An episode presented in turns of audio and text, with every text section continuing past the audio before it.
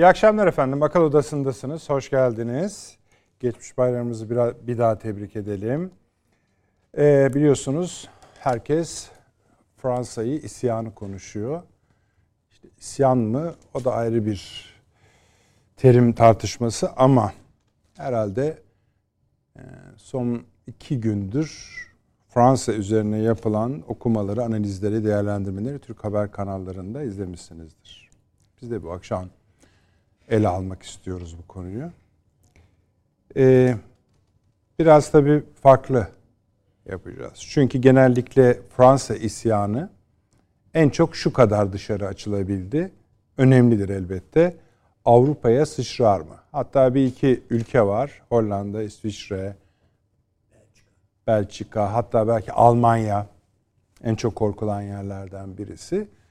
Tamam, bunun nedenlerini yani sebep sonuç ilişkilerini kurarak anlatıyoruz. İşte tarihi var, sömürgecilik faturası var, ırkçılığı, yükselen milliyetçiliği var, ekonomisi, ekonomik sorunlar. Tamam bunların hepsi güzel. Güzel derken cepte onu söylemeye çalışıyorum. Ama bir de herhalde küresel bir basınç var. Bu hiç söylenmiyor. Asıl iş o. Meseleyi büyütecek, alevlendirecek. Fitil de orada yanıyor aslında. Biraz oradan bu akşam bakmaya gayret edeceğiz.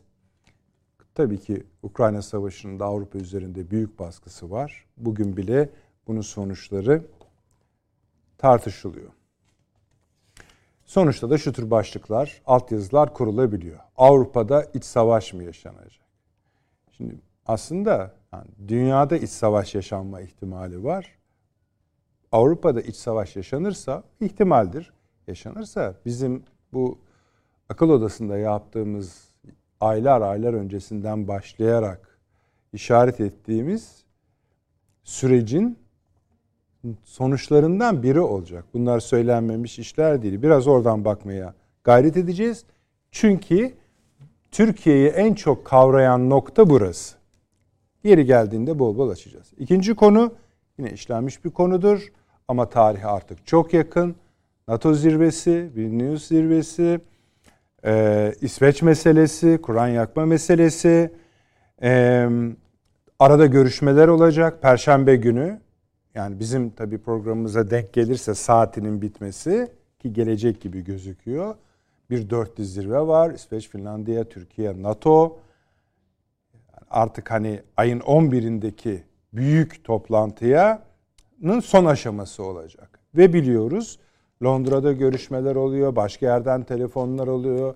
Mesela ayın 5'inde yani 4'ünde bu toplantı var. Perşembe günü 5'inde Biden İs, e, İsveç Başbakanı'nı Beyaz Saray'da ağırlayacak. Herhalde bir şeyler söyleyecek.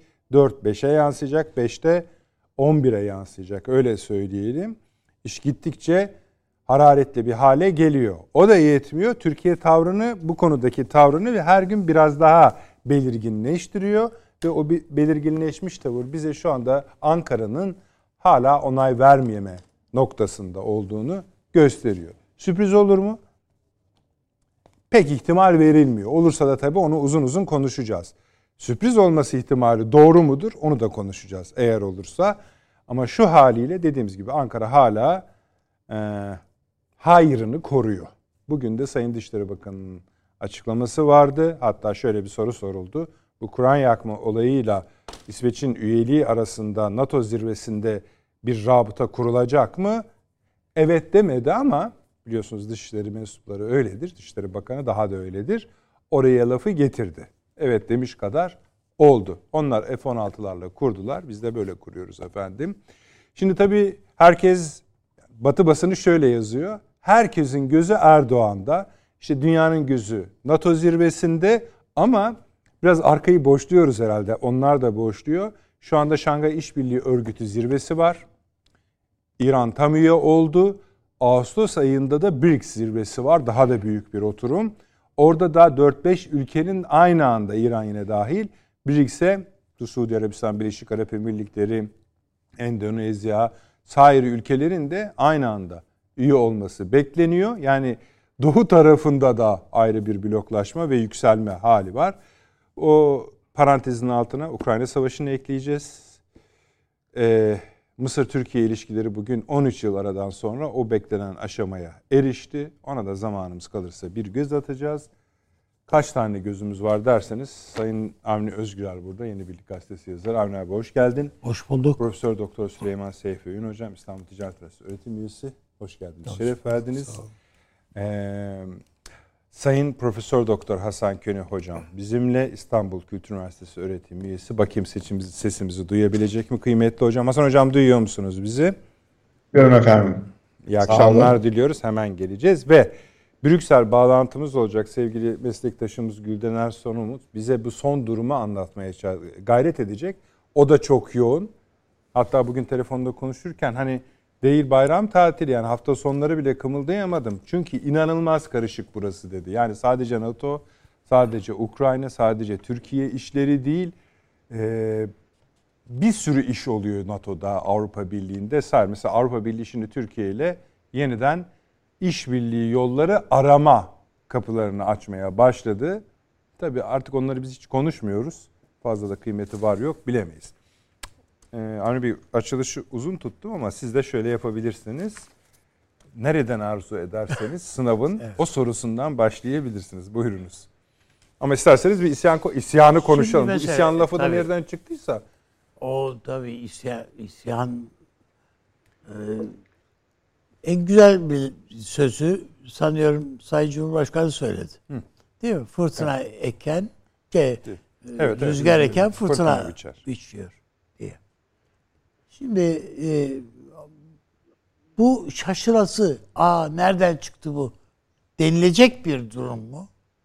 Bunun herhalde en iyi cevabını burada yani şu masada herhalde Süleyman Hoca verebilir. Bu, çünkü bu sömürgelerin e, geldiği noktanın daha başka olması herhalde bek esas şaşılacak.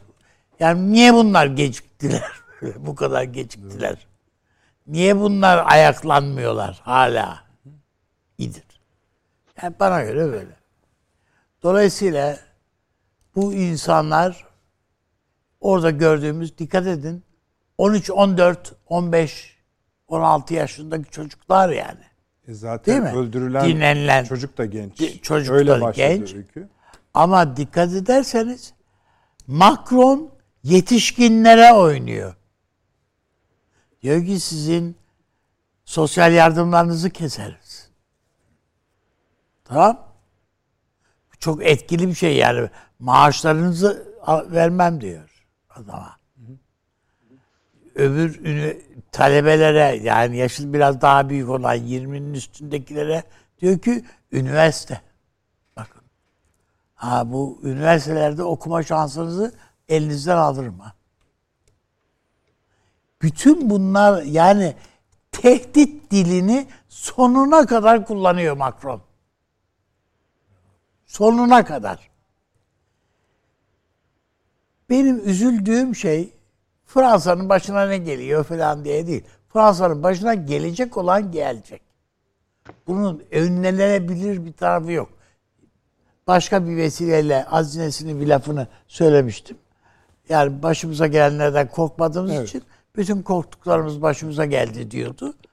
Bu Fransa'nın başına da aynı şeyler gelecek yani. Daha beterleri de gelecek. Bu yani düşünün Alman işgali de o Vichy hükümetini filan birazcık okusa bizim aydınımız, insanımız bu Fransa'nın ne menen bir şey olduğunu filan efendim e, o noktada yani şeyin bile Fransız halkı yani millet e, sağ düşüncesiyle ilgili filan ya De Gaulle neler söylemiş falan bir okusalar olay daha farklı bir hale gelebilir. Fransız siyasetini daha iyi anlayabiliriz. E, o bakımdan ben e, Fransa'da çok daha e, farklı şeylerin önümüzdeki dönemde daha belirgin bir şekilde e, gerçekleşeceği kanaatindeyim. Ne Ve demek bu? Hiçbir şekilde durulamayacak bu. Bugün bastıracaklar, Ama yarın patlayacak. Macron gitti mi? Macron değil sadece. Tamam. Hani siyaset Fransız devleti gidiyor. Ortada. Yani beş cumhuriyeti harcadılar. Bir altıncısına doğru gidiyorlar işte. Ya düşünün bu bu Fransa'nın yapmadığı yok bu sömürdüğü insanlara. Ya bü- bütün bu işkencelerin, bu eziyetlerin bir faturası olacak. Olmaması mümkün değil ya. Yani bu öyle löpen mi geldi, o mu kazandı falanla alakalı bir iş değil bu. Çok daha derin bir sorun. Yani Trump boşuna söylemedi. Ya biz olasak Almanca konuş konuşuyordunuz zaten dedi. Ve ağzını açıp kimse bir şey demiyor. bir şey de diyemiyorlar. Ha işte demiyorlar Diyemiyor. kimse diyemiyor yani. Diyemiyor. Çünkü biliyorlar bunun doğru olduğunu. Neyse e, yani söylemek istediğim şu. E, beni üzen tarafını da söyleyeyim. Türkiye'de de bir takım televizyonlar a- şeyler Fransa olaylarının analizini yaptılar. Yani az önce söylediklerimizin bu sömürge tarihinin çok derin ayrıntılarını falan da verdiler yani. Verildi bizim televizyonlarımız. Evet. Verilmemiş değil yani işte açıkçası. O e, hay- hayvanat bahçesi gibi insanat bahçesi yapıp orada i- getirdikleri zencilere Avni abi bu öldüren polis için biliyorsunuz mi- milyonlar topluyor. 1 milyon, bir buçuk milyon para topladı bağış. Yani tam bir ko- kopma hali öyle söyleyeyim. Tabii canım yani o, o. Bizdeki yorumculara bakıyorum. Tamam evet yani Fransa'da bir takım insanlar şunları bunları filan oldu. Biz suçluyuz filan diyor. Şey yapabiliyorlar. Ama ilk cümle şu mu olur? Yani Fransa'da böyle bir yangın çıktı. Ne diyorsunuz buna diye bir, bir akademisyen birisine ilk soru geliyor. Ve cevap şu. Efendim esas bizdeki problem. Bizde öyle bizde de öyle bir çıkacak ki. Biraz. Lan ne oldunuz? Nereden gördünüz? Türkiye'de de böyle bir sö- şey sömürge şeyi e, efendim sığınmacılar isyanı ya. Bunun hem de derin derin tahlillerini yapan ve daha çok değil yani çok yakında olacak filan diye. Bayağı da böyle muhafazakar falan filan bildiğimiz e, bir takım şeylerden geldi. Yani kanallardan geldi bu tür yorumlar. Savcılıktan geldi mi? İşte problem o yani biz bizde e, bazı şeylerin böyle muhafazakar kanallarda böyle bir e, şey var. Korunma Allah'tan Ömer Çelik şimdi şey yapmam lazım. Söylemem lazım onu. Ömer Çelik bunu hem tespit görmüş, dinlemiş Siyaseten de boğdu. siyaseten de ortaya koydu. Ne yapıyorsunuz ya? Nereden çıkardınız diye. Yani daha Cezayir biliyorsunuz dün, bugün de değil yani, dün daha yeni e, Fransa Fransızca konuşmayı üniversitelerde kaldırdı eğitim dilinde. Ya bu yani adamın ruhuna işle, işlemişsin ya, işlemişler. Biz kimin nesine Türkiye koskoca Osmanlı Devleti bunca sene 400 sene idare etti Arap ülkelerini. Onun içerisine Suriye'de dahil tabiatıyla. Ne yaptık yani? Ne yaptık da bu insanlar bize karşı bu sığın üstelik de kapılarımızı açmışız, sığınmışlar, şu yapmışlar, bu şey. Türkiye'ye karşı Fransa'daki gibi bir kin patlaması olmasının gerekçesini nasıl buldu bizim akademisyenler? Bunu çok merak ediyorum. Biz de merak ediyoruz. Kamuoyu da merak ediyor. Şimdi Hani bizim e, bizim toplumumuzda sığınmacılara dönük öfkeler var, öfke vardır. Şu vardır, bu vardır. Bunun, onların o öfkeler haksızdır da demek istemem. Bir takım e, suçluları da var bunların içinde. Binlerce, on binlerce insan var tabii. Bunların içerisinde suçluları da var, şu suçlu da var da. Ama bizimkilerin bulduğu gerekçeyi merak ediyorum. Hiçbir analiz yapmadan, hiç sahayı incelemeden, okumadan, bakmadan ama buldular. Ya işte herhalde bu Fransa'daki olayın gelişim şeyi fotoğrafları çok hoşlarına gitti bizimkilerin. Ben onu anlıyorum. O Gezi Parkı falan da bunların çok hoşuna gitmişti zaten biliyorsun. Tabii. Zaten. Fransa'daki ama birdenbire o Fransa şimdi durulunca Macron paraları paraları bastırdı. Durulunca ya bu yani bitmemeliydi ya. Daha da böyle değil mi? Yayılarak. Tek bakıyorsun Belçika kralı özür dileriz biz. Yani pardon deyince Belçika'da olaylar durdu. Ya bu bizimkiler- Hollanda'da biliyorsun özür- bizimkiler, özür bizimkiler, dil- Hı. bizimkiler çok bozuldular buna. Yani nasıl duruyor diye. Hiç mi sizin gururunuz yok birader ya? Yani 80 kişi gözaltına alındıydı halbuki Belçika'da. Çok güzel tırmanıyor diye bakıyorlardı. Yok. Onların beklentisi çünkü oralar olsun. Yani sarı yelekliler bize de lazım. Yani ben bunun bir rezillik boyutunda e, yansıması olabileceğini düşünüyorum. Fransa'dan hiçbir şey olmayacak. Hiçbir kurtuluşu yok Fransa'nın. Ve öyle çok uzun vadede değil.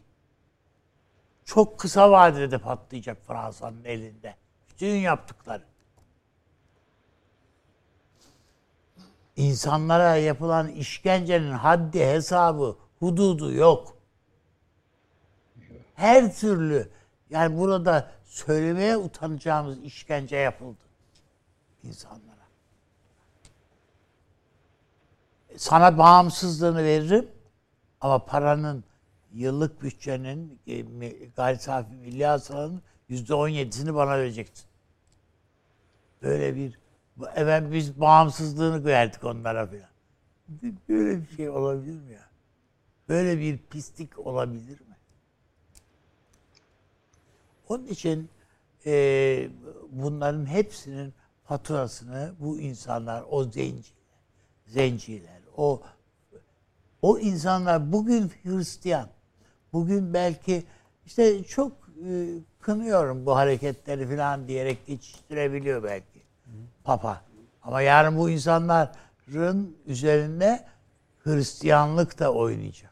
Zaten biliyorsunuz Kanada'da patlak verdi. Yerli çocukları nasıl tecavüze uğradığı ve kiliselerin bahçesine gömüldü. Yeni en son biliyorsunuz e, e, bizim bayramdan önce de e, kiliselerde, kilise bahçelerinde çocuk cesetleri bulundu. Evet evet. Bunlar Güzel bir öyle bilgi. bir anda böyle şey pıtrak gibi çıkıyor şimdi ortaya. Bunlar din adına yapıldı. Bunlar medeniyet adına yani medeni millet ya Fransa adına yapıldı.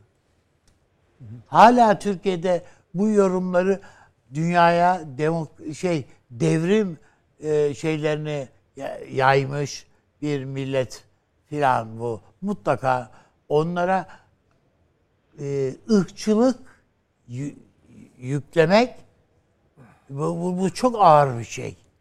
Bu söylenemez bu kelime. Yani bize olunca ya söyle gitsin ne olacak? Aslında o kadar hani çok ağır da gelmiyor. Biraz teflon tava durumları var. Ya ne değil. söyleseniz yapışmıyor adamlar. Ay yapışmıyor zaten. Adamlar üstlerine ya bir, başkasını bırak bizimki akademisyenler filan temizliyorlar.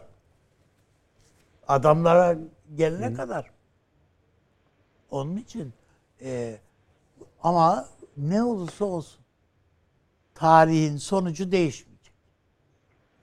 Fransa'nın alnına şak diye yapışacak bu. Devam edeceğiz Avni. Bakalım Hasan hocamız bu konuda ne düşünüyor? Hocam katılıyor musunuz Avni Bey'in söylediklerine? Efendim evet. Ee, yani planlar belirli ortada. Ee, biz başka açıdan bir bakış yapıyoruz. Çünkü biliyorsunuz bizde şey var. Ee, devletler hususi hukuku diye bir hukuk e, boyutu var. Bu konularla uğraşıyor arkadaşlar. Yani bizim devletler hukukunun e, kardeş hukuku, e, göç ve vatandaşlık hukuku. Bu konuda çalışıyorlar. Şimdi bu sorun e, çok önemli, büyük bir sorun olarak Avrupa üzerine geliyor. Avrupa korkunç bir göç alıyor. Ve göç aldığı yerler eski sömürgeleri. Yani Fas, Tunus, Cezayir, Sahel denilen bölge, Mali ve diğer Afrika ülkeleri ve bu gelenler Müslüman. Şimdi İngiltere'deki İrlanda ayaklanmaları sırasında e, İrlanda'yı e, araştırmıştık. Acaba e, bunlar niye böyle çatışıyorlar? Çatışma nedeni Protestanla Katolik birbirlerini öldürdüler. En sonunda bir çözüme varıldı. 15 sene sürdü bu olay. Yani Hristiyanlık içindeki iki sekt birbirini çekemedi. Şeyde evet. İrlanda'da buraya protestanlar girilemez diye bir bölge vardı. Yani protestanlar o bölgeye giremiyor. Yani tek İrlanda Cumhuriyeti giremiyor. En sonunda işte Kuzey İrlanda falan diye ayırdılar. Şimdi buradaki kültürel yapı iki misli değişik. Hem Afrikalı hem de Müslüman. Ve de bunlar fakir mahallelerde bulunuyorlar. Yani suburblerde ve bunların yaşamı normal bir Fransa'ya göre çok aşağıda. Normal bir İsviçre'ye göre çok aşağıda. Normal bir Hollanda'ya göre o daha da Endonezya'dan falan da göç alıyor. Daha aşağıda.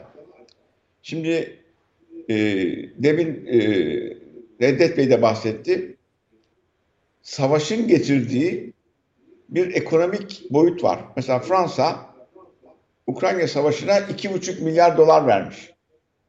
Halbuki Fransa'da emeklilik yaşı 62'den 64'e çıkacak diye günlerce aynı şekilde yaktılar yıktılar etrafı. Bu Fransız halkı yani daha zengin geçinen herhangi bir işkenceye uğramamış bir halk. Şimdi bunu bir de aşağıdakilere yani semtlerin, Paris'in, Nanter'in ve diğer semtlerin, şehirlerin fakir bölgelerinde yaşayan bu Müslüman kitleleri düşünün. Nasıl etkilediğini. E buradaki en ufak bir olay kıvılcıma yol açıyor. Şimdi Avrupa'nın da tavırları değişik. Mesela Orta Avrupa, Macaristan ve Polonya diyor ki bu göç çok fazla oldu. Bunu durduralım.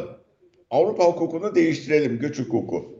Bizim de 1950'de imzaladığımız bir anlaşma var. 66'da ee, da bunu protokolle yenilemişiz. Sadece Avrupa'dan göç alabiliyoruz bu anlaşmaya göre. Sonra yeni bir takım kanunlar çıkarttı ama tek bir anlaşmamız var. Şimdi bu yapı sistemi etkiliyor. Bir şey daha anlatayım. Buyurun hocam. Bu Ermeni olayları olduğu zaman Fransa biliyorsunuz bir kanun kabul etti 2001 yılında. E, o sırada bu Fransa'ya giderek e, görüşme yaptık. Dedik ki ya bu kanun nedir? Kanun yumuşak bir kanun. Şöyle diyor. Soykırımı reddetmek yasaktır. E peki yumuşak kanun şu şekilde cezası yok bunun. Görüştük. Marsilyalı bir milletvekili bunu kanun teklifi olarak getirmiş. Onlar da kabul etmiş. Niye bu kanunu kabul ettirdiniz?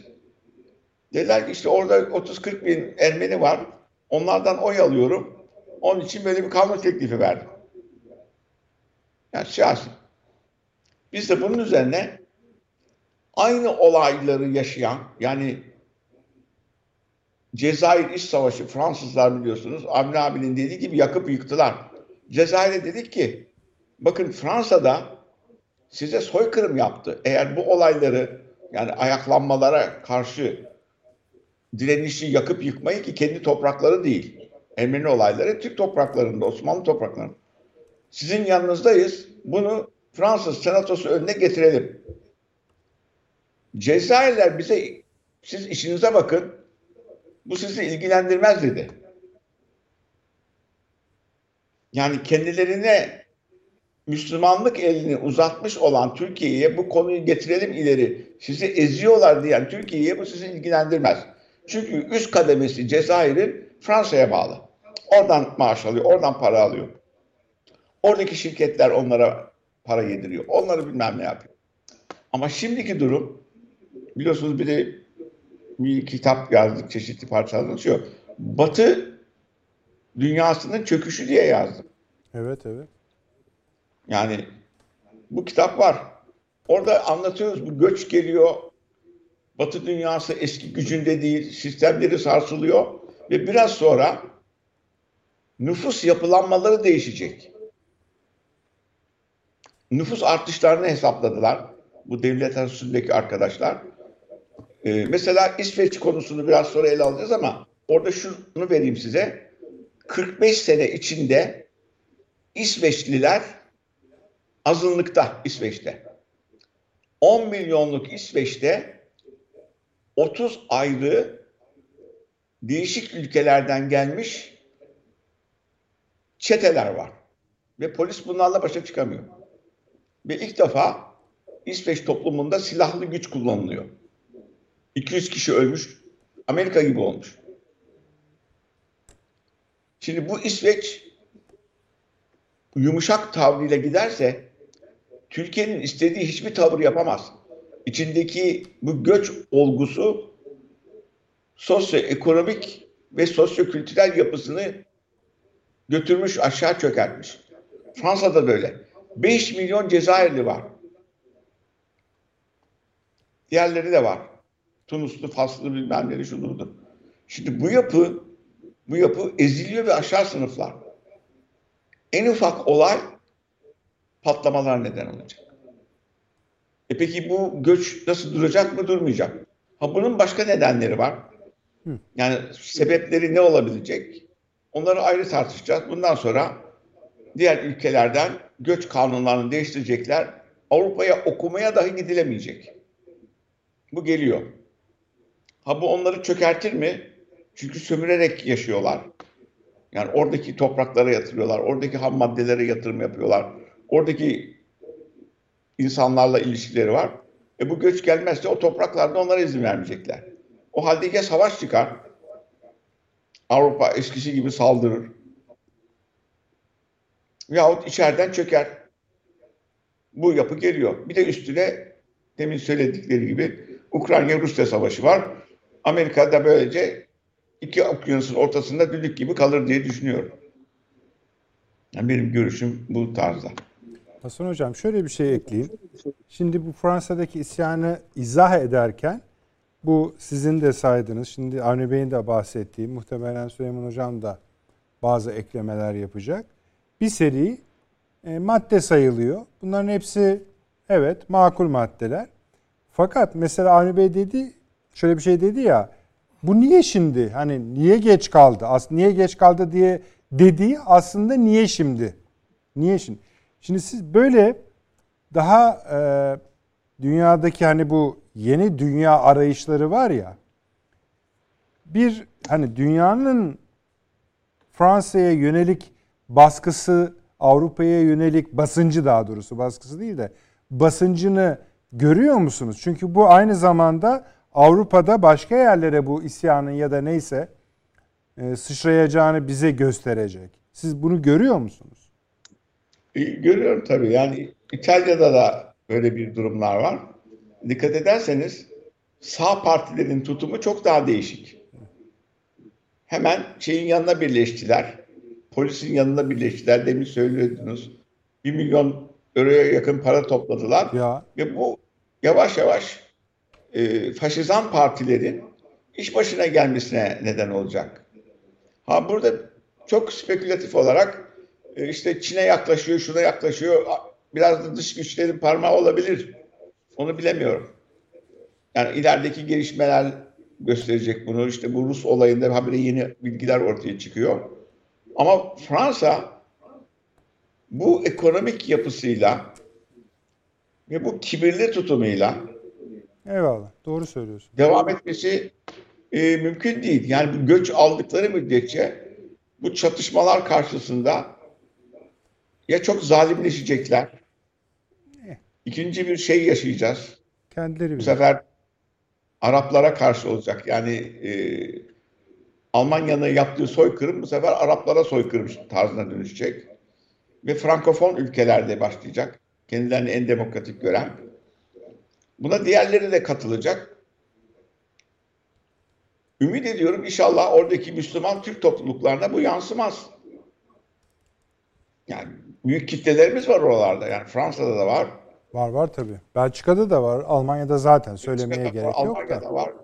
Var. Biz Belçika'ya gittiğimizde Türk toplumunun lokantalarında yemek yiyorduk. NATO toplantılarına gidiyorduk. Bir cadde Emirdağlılar. Ne kadar Emirdağlı varsa Isparta'dan oraya göç etmiş.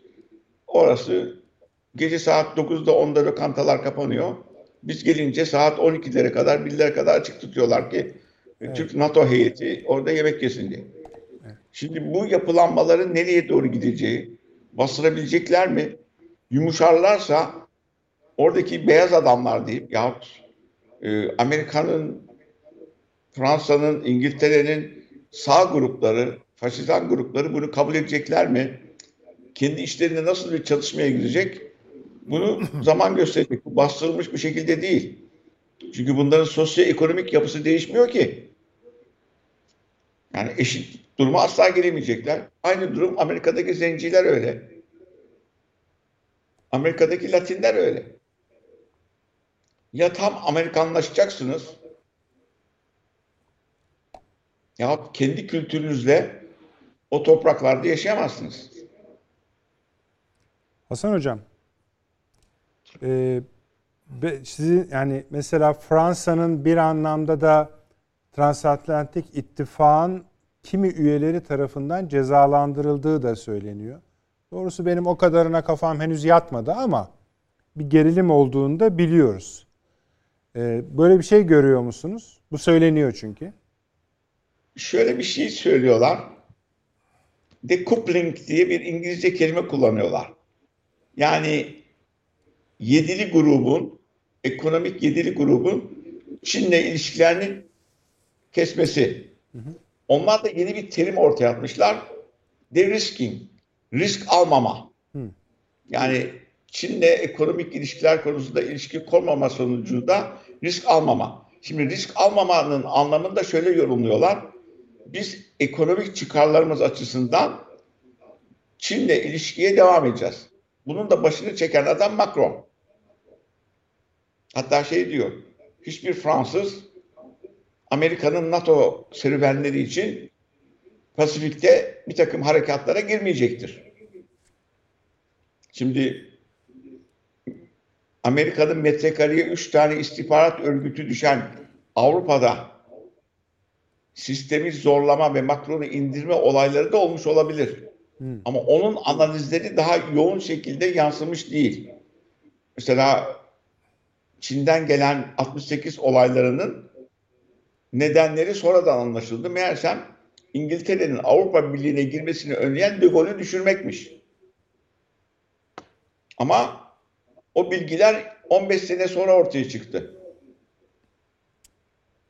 Peki. İngiliz arşivleri 30-35 sene sonra açıldığında yemin ederim size okuduğumuz tarihin öyle olmadığını görüyoruz.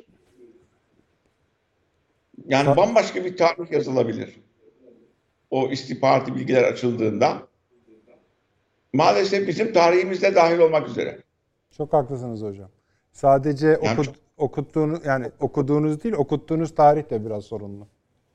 E tabii o yani ülkenin E, normal. itibarını bir kahramanlık öyküsü, bir şeyler fakat gelişmeler bambaşka türlü oluyor. Fakat şimdilik olasılık var. O zaman şundan çıkaracağız. Belki Süleyman Hocam da yani analizi derin olarak yapıyor. Gelişmelerdeki Fransa'nın tutumundan böyle bir şey olduğunu anlayabiliriz veya anlayamayız. Yani Fransa'daki tutum değişikliği olabilir. Tamamen Amerika'ya yanışıyorsa eğer ha bu bir yerden ders aldı. Bir mesaj geldi. Evet. Ama Almanya çünkü sonra... yanaştı. Öyle anladık son dönemi. Evet. Son, yani 3 haftalık dönem onların adımlarında ciddi bir Amerika'ya yakınlaşma. Yakınlaşma demeyelim artık o çünkü şey kalmaya başladı. Hafif kalmaya başladı. Peki hocam devam edeceğiz. Sağ olun. Ben teşekkür ederim. Süleyman Hocam buyurunuz. Yani e, bilmiyorum küresel yani konuştuğumuz konular daha zaten de hani küresel bir çerçeveye oturtmak arzusu duyar mısınız? Buyurun. Evet duyarım. Buyurunuz. Estağfurullah. Şimdi efendim Mahatma Gandhi'ye bir gazeteci soruyor. Diyor ki Batı medeniyeti hakkında ne düşünüyorsunuz? Hı hı. O da her zamanki o zeki bakışlarıyla aynı zamanda tabii çok derin muzip bir cevap veriyor. İyi bir fikir olabilirdi. İyi bir fikir olabilirdi.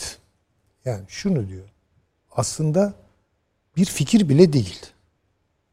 Şimdi tabii çok ağır bir laf yani Batı medeniyeti, felsefesi, bilimi, sanatları falan yani çok muhtamdan gösterişli bir dünya olarak da çıkabilir karşımıza. Niye böyle söylüyor? Bilmiyor mu Mahatma Gandhi Batı medeniyetinin bir Beethoven verdiğini, bir Pascal verdiğini elbette biliyor. Belki yegan yegan bakıldığında bunlarla ilgili hani söyleyeceği şeyler çok da böyle hani kavga doğuracak şeyler olmayabilir. Eleştirel olacağını tahmin ediyorum her şeye rağmen. Ee, bir kere bir ikiyüzlülük var. Biz böyle batı denildiği zaman körlerin fili tarifi gibi. Yani kimi burnundan yakalıyor. Mesela bilim tarihi olarak okuyor batıyı. Evet. Kimi efendim bir felsefe tarihi olarak böyle filozoflar resmi geçidi. Kimi ki böyle bir sanatsal köpürme, coşma, yücelme falan halleri gibi. Kimi de çok kötü bir tarih. Yani işte sömürünün tarihi, efendime söyleyeyim insanın insanlıktan çıkmasının tarihi, materyalizmin tarihi vesaire. Yani bunların hepsi belki film bir tarafıyla çok ilgili olabilir.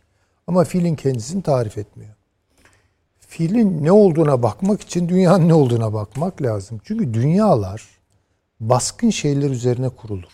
Yani bir devir itibariyle işte bugün Doğu diye bildiğimiz, Asya diye bildiğimiz medeniyetler dünyayı inşa ediyordu. Bir Çin vardı, bir Hint vardı, antik e, tarihleri itibariyle bir İran vardı, bir Roma vardı, bir Osmanlı vardı vesaire. E, şimdi bakıyorsunuz yeni dünya evet batı merkezli bir dünya. Yani dolayısıyla batıyı konuşmak dünyayı konuşmaktır aslında.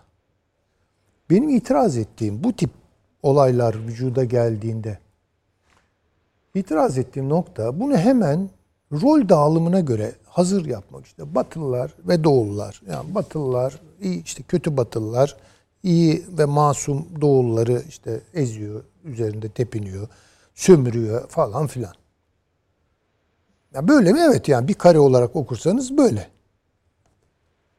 Ama daha bütünlüklü okumalara ihtiyaç var.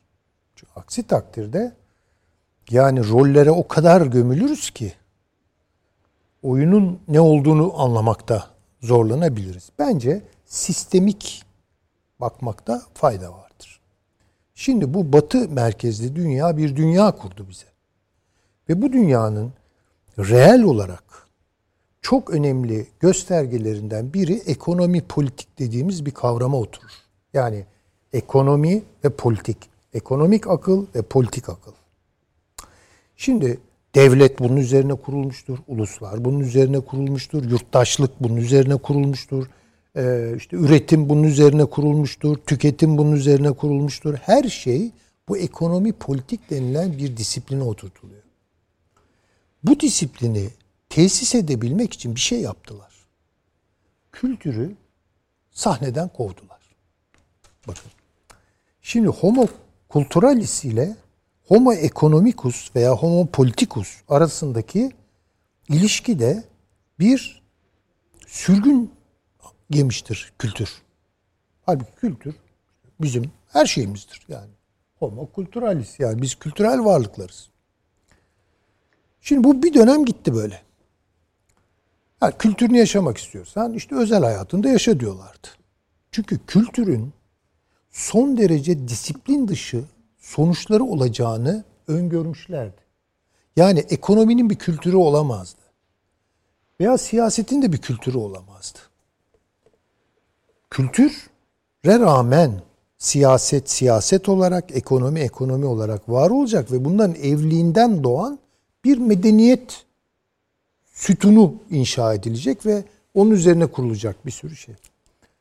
Şimdi bakınız bu 1980'lerden itibaren bence 60'lara kadar da geri götürülebilir ama kapitalizmin sistemik krizlerini yaşamaya başladı. Yani rutin dönemsel krizleri değil. Yani Kondratiev'in kriz dalgaları tarihi vardır. Böyle bir dönemsel krizler vardır bir de yapısal sistemik krizler. 1970'lerden itibaren dünya şiddetli bir şekilde aşama aşama sistemik krizleri idrak etmeye başladı. Biz onun çok ilerisi bir safhasındayız. Ve bu sanayi toplumu veya sanayi kapitalizmi dediğimiz ve ekonomi politik bir disipline oturan bir dünyanın kriziydi. Şimdi şöyle düşünelim. Bir bina var artık iş görmez halde. Yani bu binanın ya yıkılıp yeniden yapılması lazım veya içinin çok farklı bir şekilde yeniden tasarlanması lazım. Yani bir müdahale gerekecek oraya. Bunu öyle düşünebilirsiniz.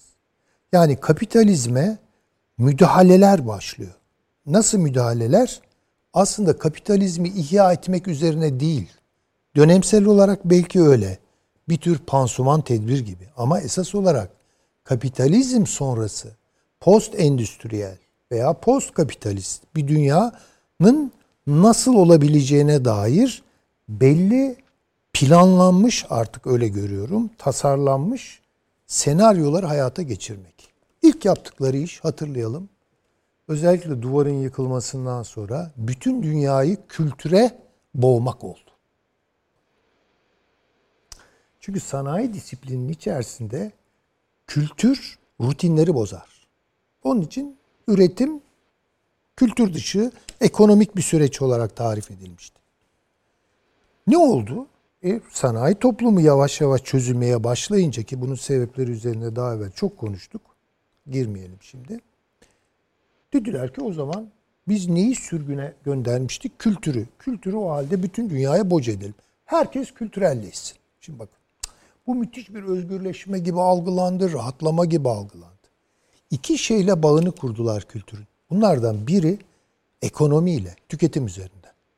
Tüketim sadece ekonomik bir hadise değildir. Tüketim aynı zamanda kültürel bir hadisedir. Üretimin kültürü yoktur ama tüketimin kültürü vardır. İki, siyasetle ilişkilendirdiler. Dediler ki siyaset artık kültürleri de içermelidir. Bakınız. Şimdi neler girdi bu işin içine? Neler girmedi ki? Cinsel meseleler girdi, e, etnik meseleler girdi, dinsel meseleler girdi. Girdi oğlu girdi yani. Ama Terry Eagleton isimli bir çok bence yani zamanımızın en berrak zihinlerinden biridir. Onun söylediği çok güzel bir söz vardır. Kültür ayrıştırır, siyaset birleştirir. Kültürle siyaseti birleştirdiğiniz zaman bu zeytinyağı su ilişkisi bu, bu gitmez. Demokrasiyi kültürelleştirelim. İşte radikal demokrasi olsun, agonistik demokrasi olsun. Allah Allah ne teoriler yani. Ve bütün bu teoriler üniversiteleri istila etti böyle. Ve hemen arkasından yapı bozumlar, yapı çözümler, sökümler. Sökümler. Ya neyi söküyorsun? Anladık neyi söktüklerini. Ulusu söküyorlar. Niye anladık? Devleti söküyorlar. Ve bütün bunlar bir özgürleşme dalgası içinde yapılmış. Liberalleşme denilen hikaye. Yani bakıyorsunuz. Şimdi dolayısıyla demek ki şöyle görüyorum ben. Yani yıkımı kontrolleri altına almak istiyorlar. Süper. Değil mi? Tamamen Mesele aynı bu. Ha. Şimdi dolayısıyla biz bu büyük senaryoyu oturtmazsak çok. bu aktüel şeyleri çok böyle hani işte o onu ya öldürmüş, bu buna dava açmış, o onunla tepişmiş, bu bununla itişmiş falan gibi. Çünkü bir ulusu yok etmek istiyorsanız o ulusu var eden yurttaşları birbirine düşman edersiniz. Bu da kültür üzerinden olur. Yani Fransa'da bugün sokağa çıkan e, Afrikalılar, Afrika kökenli Fransız, Fransız vatandaşları neyse işte itilmişler. Frans Fanon'un yeryüzünün lanetleri dediği insanlar. Zavallılar hakikaten. Şimdi ayağa kalk. Bugün değil ama yarın beyaz Fransızlar Löpen'in ırkçıları da sokağa inecektir. Oh ne güzel. Fransız ulusu kalır mı sizce böyle bir durumda? Kalmaz tabii ki. Şimdi bu senaryoyu büyüttüğünüz zaman ki Avrupa tabii men dukka kapını çalarlarsa ya kapını çalarsan çalarlar. Yeni kavimler göçü meselesi değil mi? Şimdi bunlar bir bakıyorsunuz yani kapitalizm ucuz emek sağlamak için bunlara böyle yol açıyor. Ondan sonra bunlar bir yol bulunca bu sefer kitleler halinde geliyorlar. Bu sefer altında kalıyor. Değil mi mesela? Bu iki yüzlülüğü. Hocam bence o yani konuşmanızın birinci bölümünde şimdi ikinci bölüme geçmiş gibisiniz. Bence biraz birinci bölümde duralım. Olur. Yani aslında izleyicilerimizin hani Fransa'da ne oluyor, Avrupa'da ne olacak, bunun dünyaya etkileri ne olacak sorusuna bugüne kadar işte Avni Bey'in açılışta atıf yaptığı iki gündür bütün haber, bir düzine haber kanalında bu iş konuşuluyor. Ee, işte bunu söylenmesi gerekiyor da esasında. Şimdi e, kontrollü yıkım meselesi e, evet. biraz şöyle ele alınıyor. Onların ifadesi eskiyi hurdalamak. Eski ne? Yerleşik şu ana kadarki düzen. Şimdi bu eski düzen dediğiniz şey nereden baksanız 70 yıllık öykü. Şimdi bunu dünyadan sökmek demek kim bilir kaç insanın canı demek. Çok daha eski ama. Yani hani şöyle... hani NATO üzerinden de yürüyoruz ya bir anda. Hani yani, bağlantılamak açısından tabii, söylemedim. Tabii o daha bence hani rejimi yani İkinci Dünya Savaşı'ndan sonra yeni bir dünya kurulmadı aslında. İkinci Dünya Savaşı'ndan sonra kapitalist dünyaya bence her şeyle kapitalistleşmiş bir dünyaya bir rejim modeli oturtuldu. Tamam. Öyle diye bir sistem değil o Anladım. yani. Şimdi evet. bu arayışı yani biz hep söylüyoruz ya işte ne dedik işte Şangay İşbirliği Örgütü toplanıyor, BRICS zirvesi onlar tabii, gelişiyor. Tabii. Tamam da mesela Amerika ne yapıyor bu durumda dediğinizde böyle e, batı sonrası batı gibi ifadelerin kullanıldığı ya da soğuk barış gibi ifadelerin kullanıldığı ama sahaya yani kültür örneğiniz ve siyaset örneğiniz çok hoş. Mesela bebekleri alıp karşılığında e, LBGT'yi vermek gibi. İşte bakın hala Fransa konuşuyoruz. E, işte liberalizmi verip yerine başka bir sanayi devrimi yaratmak gibi teknolojiyle ya da yapay zeka aslında o. Yani liberalizm yapay zeka. Şimdi bunları böyle biraz marjinal noktalara da sürükleyebiliriz. Yani. Ama asıl istediğim hani izleyicimizin Anladım. bunu görmesi. Şimdi yani şöyle bakalım. Sadece aktörler düzeyinde bakalım. Yani ben hep bunu söylerim. E, doğrusu bu benim de buluşum değil. E, dipnot vermek zorundayım. E, Japon düşünür e, Köjin Karatani'nin e, işte dünya tarihi kavramlaştırması içinde kullandığı yani sonuçta yapılar var efendim. Yani dünya tarihinin yapıları var. Bu antik zamanlar içinde böyledir, modern zamanlar içinde böyledir. Mesela devlet diye bir şey var. Modern dünyada ulus diye bir şey var. Yurttaş diye bir şey var. Ekonomi diye bir şey var. Demokrasi diye, cumhuriyet diye bunlar çok önemli kavramlardır. Bunların bir network'ü var. Ama bana soracak olursanız kritik hayati derecede ehemmiyet kazanmış üç ana sütun vardır. Devlet, ulus e, ve sermaye, ekonomi. Yani işte ekonomi, politik disiplin bunların arasında olur. Şimdi bütün bunları dejenere etmek için bakınız. Gözden düşürmek için, değerini yerlerde süründürmek için ne yapılması gerekiyorsa her türlü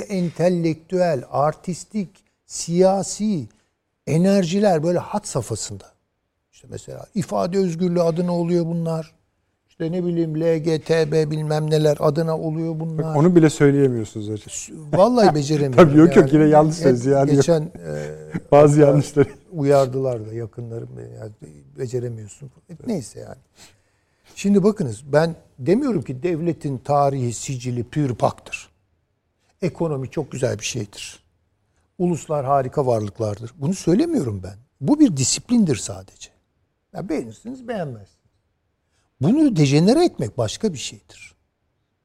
Yani bir dejenerasyon meselesiyle karşı karşıyayız. Bunu görmek zorundayız. Bu kasıtlı yapılıyor. Yani hatta bu iyice teşvik ediliyor, özendiriliyor.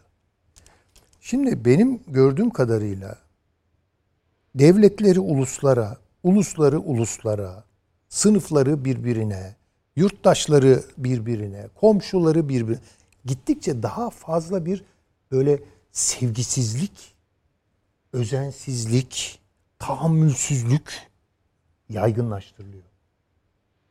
Şimdi devletleri gözden düşürmek için söylenen şeyleri ta 90'lardan beri izinli sürelim yani. Türkiye'de de bunların acentaları vardı. Konuşurlardı yani. Liberaller falan. Devlet küçük, küçülmelidir. Her şey devletin yüzünden oluyor. Devleti küçültelim. Devlet hatta olmasa ne güzel olur falan diyen böyle tercüme akıl adamlar vardı. Bugün ne yapıyorlar, nerelerdeler bilmiyorum. Ve bunu demokratlık adına ve özgürlük adına böyle gazetecilerden falan böyle artistik konuşan tipler filan. Böyle akademik, jurnalistik melezlenmiş falan tipler. Yani neyse şimdi onları. Bunlar ama bütün dünyada yapıldı. Bu bir trenddi yani. yani devlete küfür etmekle başlayacaksın. O zaman özgür birey oluyorsun. Özgür aydın oluyorsun. Ben demiyorum ki devlet yani çok böyle pür pak bir şeydir. Tabii devletin ayın gibi karanlık bir yüzü vardır, aydınlık bir yüzü vardır. Devleti kritik edebilirsiniz, hesaplaşabilirsiniz ayrı bir şey. Ama devlete kategorik olarak bir fenalık kaynağı. Mesela ceberut devlet diye böyle kategoriler vardı. Kullanırlardı bunu. Devlet yani dolayısıyla zaten ceberut olmak zorunda falan. Şimdi böyle veya ulus mutlaka ulus bir şeylerin hakkını yiyerek kurulmuştur. E bütün dünyada öyle kurulmuştur zaten. Öyleyse ulusu yok edelim. Şimdi bakın bunlar çok aşırı yorumlardı yani. Haklı oldukları yerler belki de vardı ama aşırı yorumlarla o haklılık pozisyonlarını da zaten fena halde harcadılar bu insanlar. Şimdi bu süreç iyice hızlandı günümüzde. Bakın Amerikan toplumu. Amerikalı kaldı mı? Allah aşkına. Yani şimdi Fransa'ya bakıyorsunuz. Ne oluyor? Fransa yanıyor. E Amerika'ya bakıyorsunuz. Kongresi basılıyor. Öyle değil mi yani şimdi? Ne manzaralar gördük yani. Bunlar bence çok da aa olmasın e, hay Allah bir yol kazası falan diye geçiştirilebilecek şeyler değil. Bunların ayrıca da olması Gayet isteniyor tabii. efendim. Fransa'da bile şeyi düşünelim. Ee, hani Fransız askerlerini çölde oturtmuşlardı ya Avni abi. O fotoğrafın gelişinden yani veya Tabii işte tabii tabii. Onu, Macron ondan tabii, da tabii, evvel tabii. çıktı dedi ki e, Afrika'da Fransa'nın macerası bitmiştir dedi. İşte bak. Çünkü o macera Paris'te devam ediyor şu anda tamam. gibi. Yalnız şöyle bir şey de hemen söyleyip çok uzattığımın farkındayım. Hocam, hocam konuşacağız daha. Çünkü ee, daha size şeyi soracağız. E, evet şunu Kontrol da söyleyeyim. kimin elinde? Yani demin Şangay dediniz, BRICS dedi. Şimdi bazıları da şöyle bakıyor. İşte bakın bunlar rol dağılımları üzerinden senaryoyu ıskalayan, rol fetişleri üzerinden senaryoyu ıskalayan bakışlar. Ha öyleyse bu dünyanın e, panzehiri BRICS'tir. Şangay. Değildir efendim. Açık söylüyorum. Değildir. Bu dünyanın e, dertlerine şifa olacak şeyleri tartışabileceğimiz bir forum da yoktur. Böyle bir takım e, kendiliğinden gelişen şeyleri de çok abartılı değerlendirmelerin konusu yapmamak lazım. E, Rusya, Rusya bakınız e, duvar çökmesinden sonra yani Rusya'nın çöküşüne daha doğrusu Sovyetlerin çöküşüne bakın. Bütün yapılar tel tel dökülüyordu değil mi? Tabii. Ortada ne devlet ne kurum hiçbir şey kalmamıştı. Bugün Amerika'nın durumu odur. Farklı değildir. Avrupa'nın durumu budur. Farklı değildir. Bunların yerini alacağını düşündüğünüz işte nedir mahreci Çin diye söyleniyor. İşte Rusya, BRICS bilmem ne. Bunlar insanlığa cazip, içinde insanlığını bulabileceği hiçbir hikaye anlatmıyor efendim. Yok. Bunlar güç mahfilleri hocam. Bunlar sadece güç mahfilleri. Tamam e, ne yapayım yani? Şunu Yani yap, yapabiliriz. Çin mi- Onu da değerlendireceğiz. Evet Çin mi Afrika'yı sömürsün, Fransa mı sömürsün? Bunu, mu- bunu mu e, tartışıyoruz? Hocam şöyle yapalım müsaade ederseniz. Onu virgül sayalım. Şi- e, Birleşmiş Milletler Güvenlik Konseyi e, bir şeyden duyduğu tehdit nedeniyle toplanıyor. Associated Press'in haberi. Bir şey dediğiniz ne? Yapay zeka. İşte bakınız yani, Yani bu bakmayalım hocam. Biraz sonra Peki. bakalım ne olur. Efendim kısa bir reklam aramız var. Hemen devam edeceğiz. Döndük efendim. Akıl Odası devam ediyor. Sayın Avni Özgürer, Sayın Profesör Doktor Süleyman Seyfi Öğün Hocam, Sayın Profesör Doktor Hasan Köne Hocam ve arkadaşlar sevgili Güldener geldi mi? Bizimle birlikte mi? Ha, harika. Güldener beni duyuyor musun? Duyuyorum. İyi akşamlar, iyi yayınlar dilerim. Teşekkür ederiz. Biz de sana iyi akşamlar diliyoruz. Belki bizim vasıtamızda bir 10 dakika nefes alırsın Brüksel'de öyle diyelim. Şimdi biraz e, biz ikinci konumuza da geçeceğiz. İnşallah bize bir zemin e, sunma imkanı olur Güldener.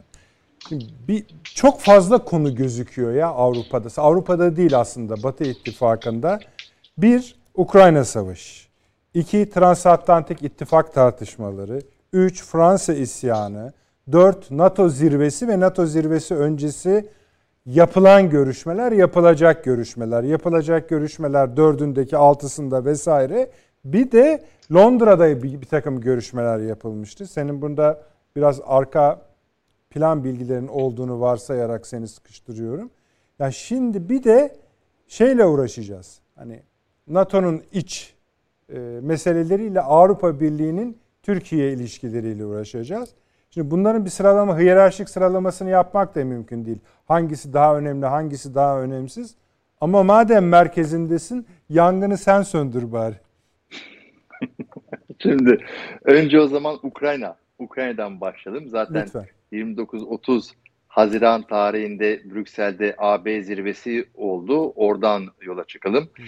Avrupa Birliği Ukrayna'ya ancak ve sadece mali yardımla destek olabiliyor. Yani müttefiklerin Ukrayna'ya vereceği silah ve mühimmatın finansmanını sağlayabiliyor. Son derece büyük, hakikaten biraz boyundan büyük bir işe kalkışmaya çalıştı ve Avrupa Birliği AZAP diye bir program oluşturmaya çalıştı ve e, Ukrayna'nın ihtiyaç duyduğu 105 milimetre ve 100 155 milimetre top ile işte 7.62 7.65 mermilerin üretimi konusunda 1 milyon mermi vermeyi taahhüt etti ama bunları üretecek henüz e, fabrikaları yok. Yani var olanlar yetersiz ama en azından siyasi irade sergiliyor. Rusya'da yaşanan Wagner ile Putin arasında yaşanan gerilimden bağımsız olarak o gerilime endeksli olarak Ukrayna'ya yönelik tavır e, belirlemeyeceğini belirledi ve bir şekilde hem siyasi hem e, ekonomik açıdan Ukrayna'ya destek verme e, en azından bir iradesi var. Bunun NATO karşılığı nedir? NATO karşılığında Vilnius'te iki tane önemli karar alınacak. Bunlardan bir tanesi hakikaten müttefiklerin yani Amerika Birleşik Devletleri, İngiltere başta olmak üzere tüm müttefiklerin Ukrayna'ya yönelik olarak mühimmat yardımını arttırma konusu ve gerekirse uçaklar konusunda bir karar alınmayacak. Sadece müttefikler zımnen ve bunu da Rusya'yı tehdit etmek amacıyla bir karar almaya hazırlanıyorlar. Ama siyaseten o Rusya şey, NATO Ukrayna Komisyonu'nu NATO Ukrayna Konseyi'ne yükseltecekler. Yani e, bugüne kadar hep 31 ülke artı Ukrayna toplanıyordu. 31 artı 1 formatındaydı. Bunun formatını 32 yani eşitler arasında bir toplantı yapılacak. Bu formatta olacak ve Ukrayna ile NATO arasındaki işbirliğinin adedi, işbirliğinin en azından yelpazesi çok genişleyecek. Siyaseten de aynı şekilde, aynı derinlikte de olacak. Bu son derece önemli bir husus. Bir diğer konu tabii Fransa'nın iç meseleleri. Fransa 50 yıldan bu yana, 73 yılından bu yana özellikle yabancıların ülkeye entegrasyonu konusunda bir sıkıntı yaşıyor. Hatta onu geriye doğru alırsak Fransa'nın e, Cezayir Fransa'ya ait olduğu dönemde o dönemin Cezayirlerin Fransa'nın o bağımsızlığı 2. Dünya Savaşı'nda onlara destek olan Harkilerin Fransa'ya döndüğü tarihten bu yana yabancıların entegrasyonu konusunda bir sıkıntı yaşıyor. Fransa bu konuda Birleşmiş Milletler Gen e, Güvenlik Konseyi'nin daimi üyesi, G7 üyesi bir ülke, NATO'nun üyesi, AB'nin kurucu üyesi ve Pasifik'te olsun, Okyanus, Hint Okyanusu olsun deniz aşırı a, a, a, e, toprakları var. Bunları muhafaza edebilmesi için yani bu statüyü muhafaza etmek için çok para harcaması gerekiyor. E bir yerden de kısıtlaması lazım. Bu da genelde yabancıların entegrasyonu, banliyölerin ondan sonra banliyölere sunulacak olan sosyal hizmetler, polis hizmetleri, e, okul hizmetleri gibi oluyor ve Fransa'da e, hakikaten beyaz e, tenli, mavi gözlü olmayanlar her zaman devlet daireleri tarafından Fransız kabul edilmiyor. En önemli örneği hani farklılığını göstermek için İngiltere'de Hint e, kökenli bir başbakan var. E, Amerika Birleşik Devletleri'nde Vietnam kökenli ya da Kara Afrika kökenli büyükelçiler var. Paris'te, Londra'da, başka yerde. Fransa'nın önünde gelen e, bütün misyonların hiçbir tanesinde yabancı kökenli bir büyükelçi bulunmuyor örneğin ya da bakanlıklar içerisinde Milli Eğitim Bakanı dışında böyle bir çeşitlilik yok. Bun, bu konuda çok büyük bir sorun e, yaşıyor Fransa ve bu Macron'la çözülebilecek bir mesele değil ama bu tür sorunlar tabii ki dışarıda Atlantik toplulukta Rusya gibi, Çin gibi, Belarus gibi ülkelerin e, NATO'ya, dolayısıyla Avrupa Birliği'ne ve dolayısıyla Fransa'ya bakış açısını çok çok olumsuz yönde Sevgili etkilediğini Güldener, söyleyebiliriz. Biz burada şunu da konuşuyoruz. Biz derken Türkiye'den bahsediyorum. Bu e, bütün Avrupa'ya sirayet etme kaygısı gözlemleniyor. Ben o kaygıyı çok Hı. paylaşmıyorum. Yani Belçika'ya biraz sirayet edebilir. Bu özellikle Belçika ile Fransa arasında Fransızların ve Frankofonların var olan bir dayanışması var. Oraya böyle nüksedebilir ama örneğin Belçika'nın Flaman bölgesinde ya da Hollanda'da ya da e, Almanya'da, İtalya'da, İspanya'da bu görülmüyor. Görülmemesinin de sebeplerinden bir tanesi şu. Örneğin İspanya'da e, İspanya'ya akın eden göçmenlerin çoğu Latin Amerika'dan geliyor. Hı hı. Birbirleriyle aynı. Yani din aynı, ayrı, aynı, e, dil ayrı ve aralarında bir farklılık görülmüyor. Ya da İspanyol'un ya da Portekiz'in Brezilyalı ile kendisini ya da Angolalı, Sao Tome'li ile e, e, Gabo Verde'li ile farklı görmüyor kendisini. Almanya'nın bir sömürgesi yok. Hollanda ise bir şekilde e, Endonezya'dan, Surinam'dan, eski göçmen e, bölgelerinden, eski topraklarından insanları entegre etme konusunda daha fazla çaba harcıyor ve en azından o sosyal müreffeh devlet hususuyla ilgili olarak o konuda bütçe kesintisine fazla gitmiyor. Belki belki gelecekte yani bundan 20 ya da 30 yıl sonra işte e, Polonya'da yaşayan şimdiki Ukraynalılar ya da Ruslarla ya da Estonya, Letonya'daki Rus azınlıklarla böyle bir durum pekala belki yaşanabilir. Ya da biraz Yunanistan'da olabilir. Ama şu anda Avrupa Birliği'nin genelinde e, Fransa dışında bunun böyle sirayet edebileceği bir ülke hani teoride var ama pratikte en azından onun zemini çok çok görünmüyor gibi. Ee, şeye gelelim. Biz İsveç, Türkiye, NATO işine. Şimdi İsveç, Türkiye, NATO içinde önümüzdeki çarşamba, perşembe günü e, üçlü toplantı yapılacak. NATO Genel Sekreteri e, Cumhurbaşkanı Recep Tayyip Erdoğan telefonla görüştü. Cumhurbaşkanı da bir şekilde dostu olan, arkadaşı olan, eski dostu olan Jens Stoltenberg'i kırmamaya çalışıyor. Diğer taraftan bütün dünyaya Türkiye'nin prensipte NATO'nun genişlemesine karşı olmadığını göstermeye çalışıyor. Bu yüzden de Finlandiya'ya evet denildi.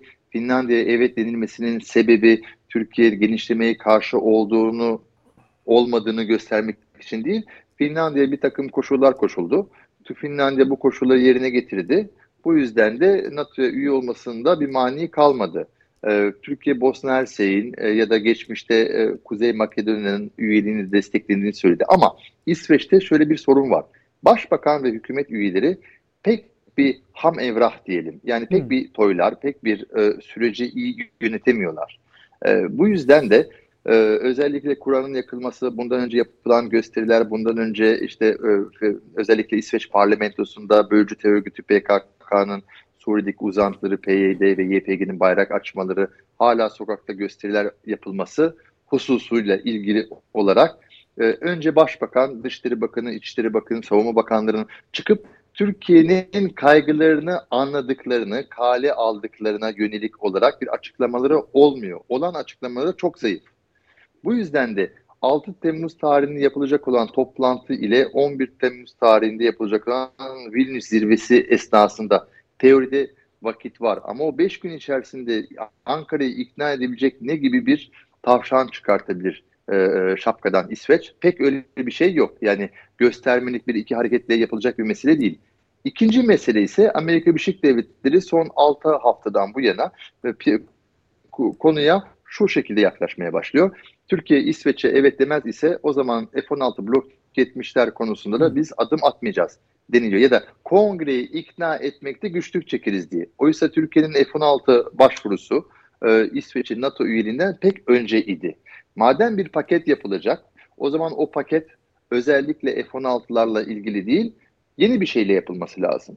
Seçimlerden sonra gerek Amerika Birleşik Devletleri, gerek Avrupa Birliği, gerek Yunanistan'ın şöyle bir kararı oldu, şöyle açıklamaları oldu. Türkiye ile ilişkileri normalleştirmek istiyoruz diye. Pekala o zaman bir normalleşme söz konusuysa o zaman Londra'da Dışişleri Bakanı Hakan Fidan'ın Amerikalı mevkidaşı Anthony Blinken'la yapmış olduğu görüşmede e, bir çerçeve çizilmişti. Bu çerçeve de eğer ilişkiler normalleştirilecek ise o takdirde Türkiye'nin her şeyden önce katsayı yaptırımlarından çıkartılması gerekiyor. Madde 1. Evet. E, madde 2 F-16 Blok 70'in modernizasyonu İsveç paketinden bağımsız değerlendirilmesi gerekiyor. 3. E, F-35 programına Türkiye'nin yeniden ya dahil edilmesi ya da F-16, F-35'lerin Türkiye satışına yönelik olarak sürecin kaldığı yerden devam etmesi ve Türkiye birincil tedarikçi olmasa bile en azından ikincil tedarik olarak tamam. e, F-16 programına dahil edilmesi ki bu da konuşuldu Londra'da.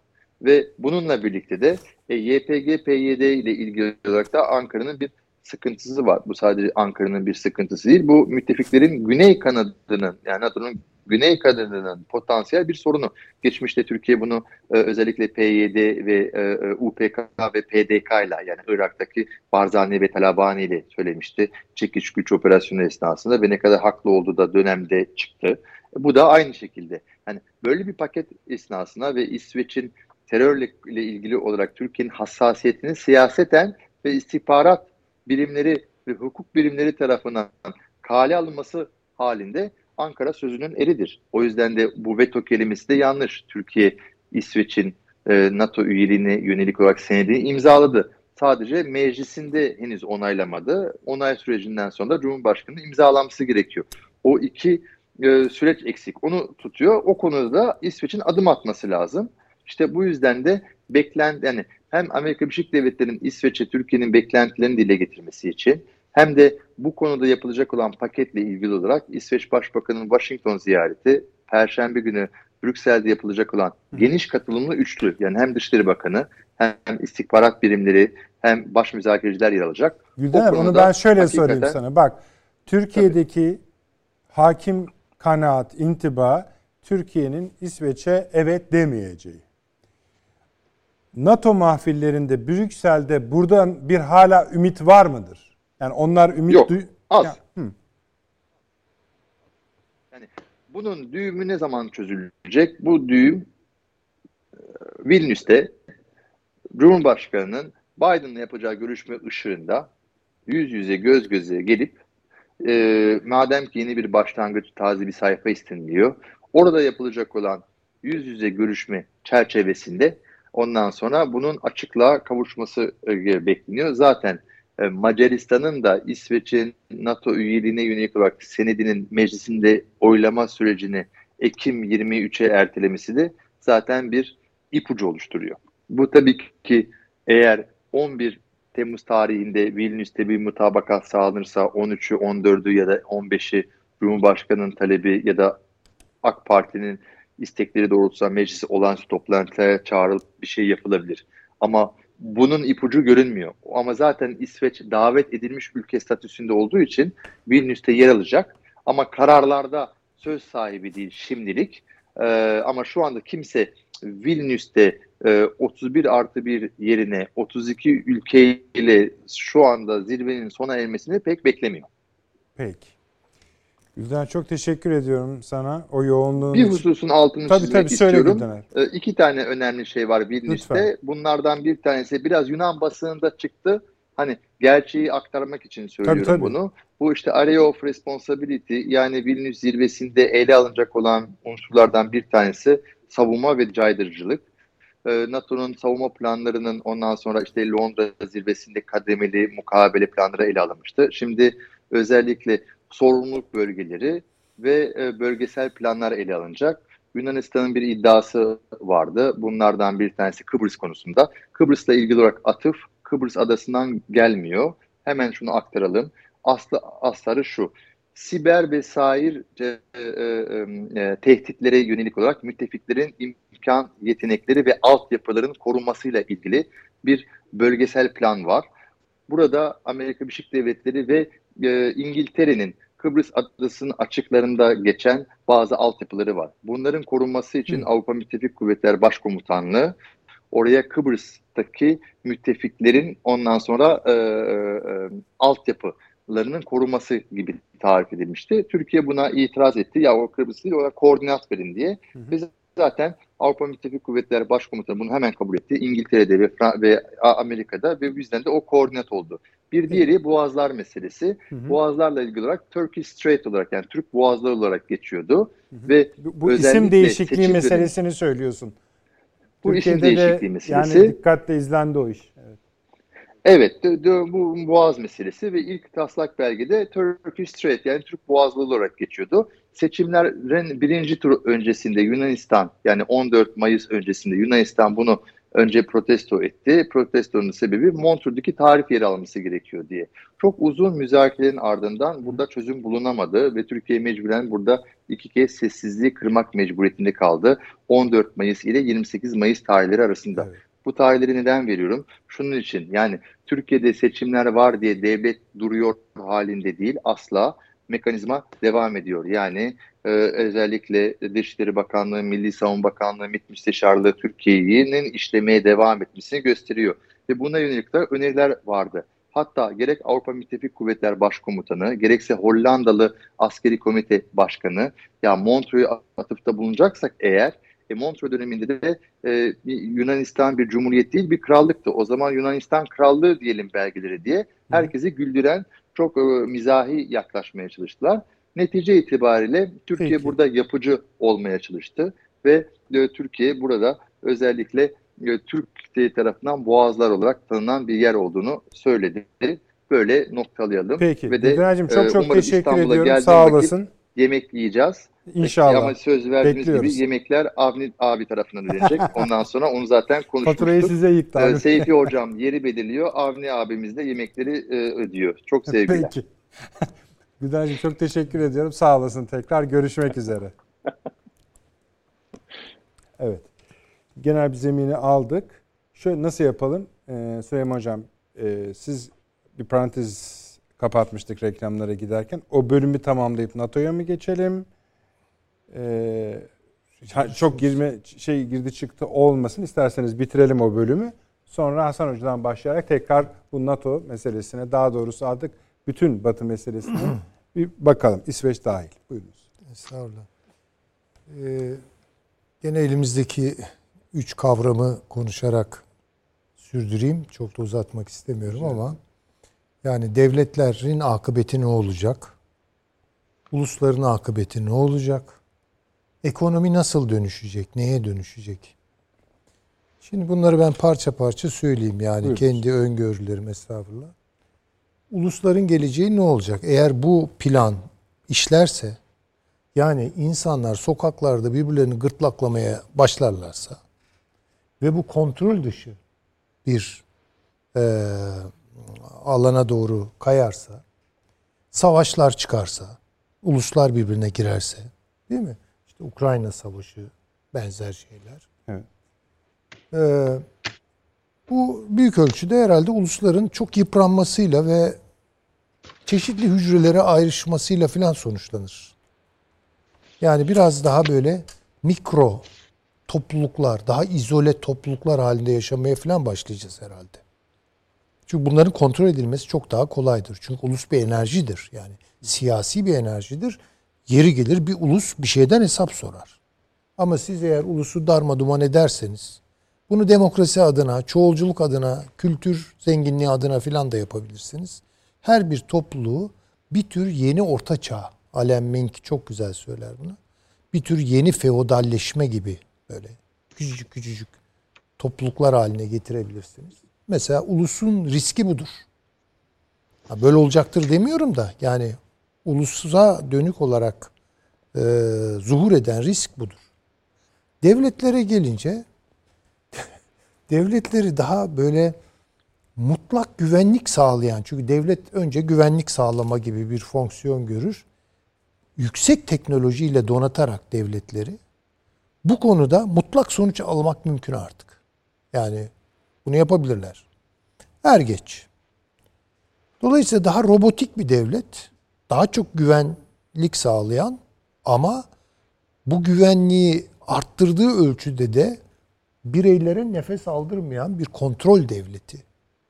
Böyle bir devlet e, işte demokratik bulduğumuz, üzerine titrediğimiz, sosyal bulduğumuz bir takım devletlerin sonunu getirir. Tabii başka bir devlet olur.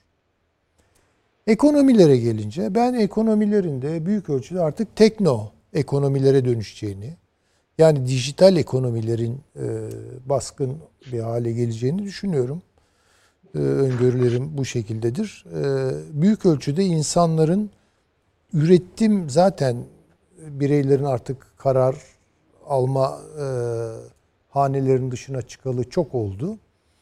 E, yani eski zamanlardaki gibi zanaatkarların kendi e, kararlarıyla üretim yaptıkları bir dünyayı çoktan geride bıraktık. E, tüketimi de şimdi aynı hale getirecekler. Yani tüketimi de kontrol edecekler. Bu da büyük ölçüde e, tekno ekonominin imkanlarıyla olacak. Yapay zekayı işaret ettiniz. Çok doğru.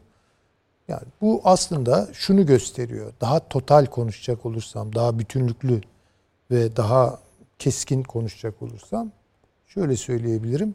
İnsanlık, daha insanlar, insanlık demiyorum. İnsanlar tarihlerinden tard edilecekler. Yani istenen bu. Arzulanan bütün bu. Bütün gidişat bunun için. Yani tarihinden tard edilmiş, kovulmuş bir insanlık. Bu ne demektir? Tarihinin öznesi olma iddiasını kaybetmiş bir insanlık demektir. Yüksek bir güvenlik duvarının içinde yaşatılan, evet çok iyi ama her türlü özgürlükleri ve iradeleri elinden alınmış, küçücük küçücük topluluklar halinde yaşayan, böyle distopik manzaralar bunlar da yani çok da böyle artık distopik sayılmamalı herhalde gidişata baktığımız zaman. Böyle bir insanlığın e, arzulandığı kanaatindeyim. Bunu bütün zamanların ortak güçleri yapıyor. Benim şahsi kanaatim mülklerin kimlerde toplandığına baksın insanlar. Peki bunun ki bu kimin elinde kontrol şu işte anda? İşte bir mülk dünyası var. Yani şimdi oraya girdiğimiz zaman hani özneyi yakalayamıyorsunuz. Yani Ahmet diyemeyeceğim. John diyemeyeceğim. Bazıları yapıyor işte filanca aile, feşmekanca aile. Tabii vardır bu aileler bu işin içinde ama çok daha bence onları da kuşatan bir takım birlikler var. Bir takım birlikler var. Onun için ben mülkiyet stoklarına baksın insanlar diyorum. İnsanlığın varlıkları hangi fonlarda toplanıyor? Hani varlık fonu dediğimiz bir şey var yani biz bunu kendi ülkemizde ekonomi için kullanıyoruz falan. Bütün varlıkları içine akıttığımız bir havuzda topladığımız bir şey değil mi o yani? Ha. Bir de buna küresel olarak bakalım. Yani mülkiyet havuzunda kim neyi en fazla elinde tutuyor? Bazı bireyler ve aileler çıkmayacaktır karşımıza ama bazı korporasyonlar çıkacaktır.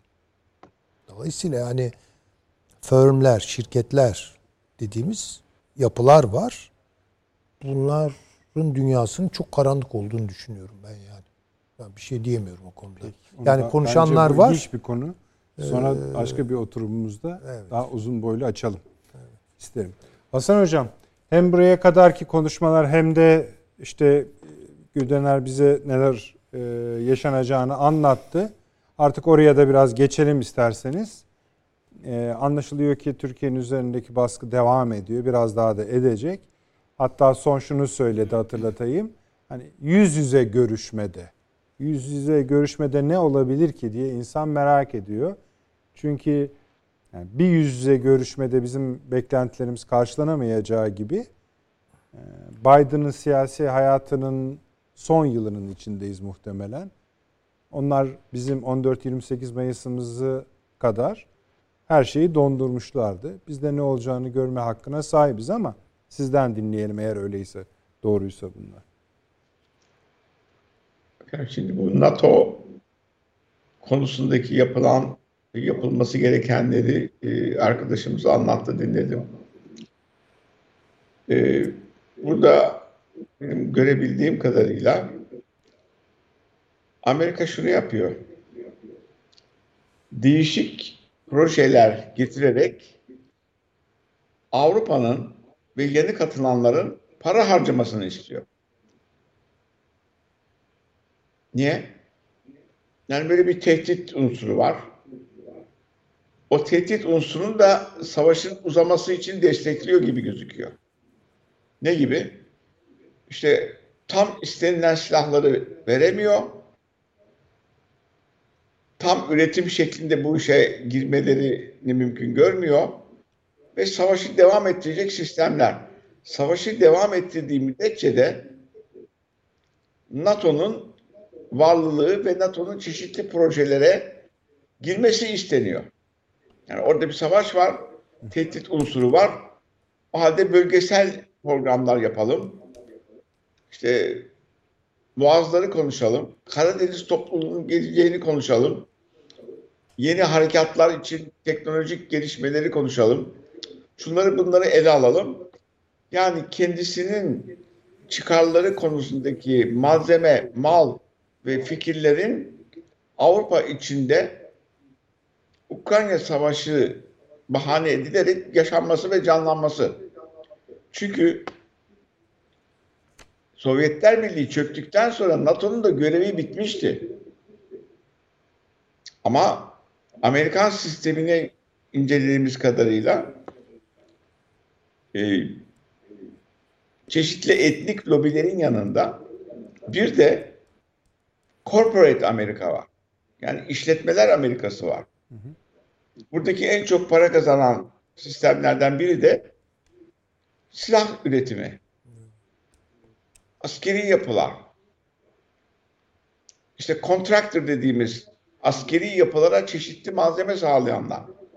Prigozhin bile 20 milyar dolar götürmüş gıda ve şey besleyerek Rus ordusunu. Yani 9 sene hapis yat, açlıktan başka bir şey bilme. Ondan sonra 20 milyar dolarlık iş yap. Şimdi büyük Amerikan savaşlarını incelediğimizde asıl masrafları yapanlar bu kontraktör dediğimiz büyük işletmeler. Yani silah, cephane, yiyecek, içecek hatta askeri giyim. Evet. Çelik gerek, kurşun geçirmez yelekler. Şimdi bütün bunları askeri eşitlenme, ateş gücü eşitlenmesi adı altında Avrupa'ya, onda çeşitli sistemler uydurarak. Şimdi bakın uluslararası ilişkilerde rasyonel olarak düşündüğünüzde hepimiz burada bir şeyler söyleyebiliriz. Ama sistemi uyutmak için bir sürü teoriler ortaya çıkarıyorlar. Bir sürü uluslararası ilişkiler teorileri var. Birisi sağ taraftan giriyor, biri orta taraftan giriyor, birisi ekonomik tarafından giriyor. Birisi arkadan dolaşıyor. Bilmem nenin bilmem ne teorisi falan diyor. Ee, sebebi de uluslararası ilişkilerdeki tıraşı genişletebilmek. Halbuki tek bir olay var. Süleyman Hoca'nın söylediği gibi ekonomik yapılanmalar var. Bu ekonomik yapılanmaları koruyan para ödemediği zaman askeri güçler var. Sistemi tehdit eden gidip alıyor, getiriyor, götürüyor. Bunu çeşitlendirmeler içinde birisi daha bilmem ne diyor, birisi daha bilmem ne diyor, şöyle diyor, böyle diyor. Ve kendi kafalarında da şu var. Benim sistemime uyarlarsa dünya daha iyi olur.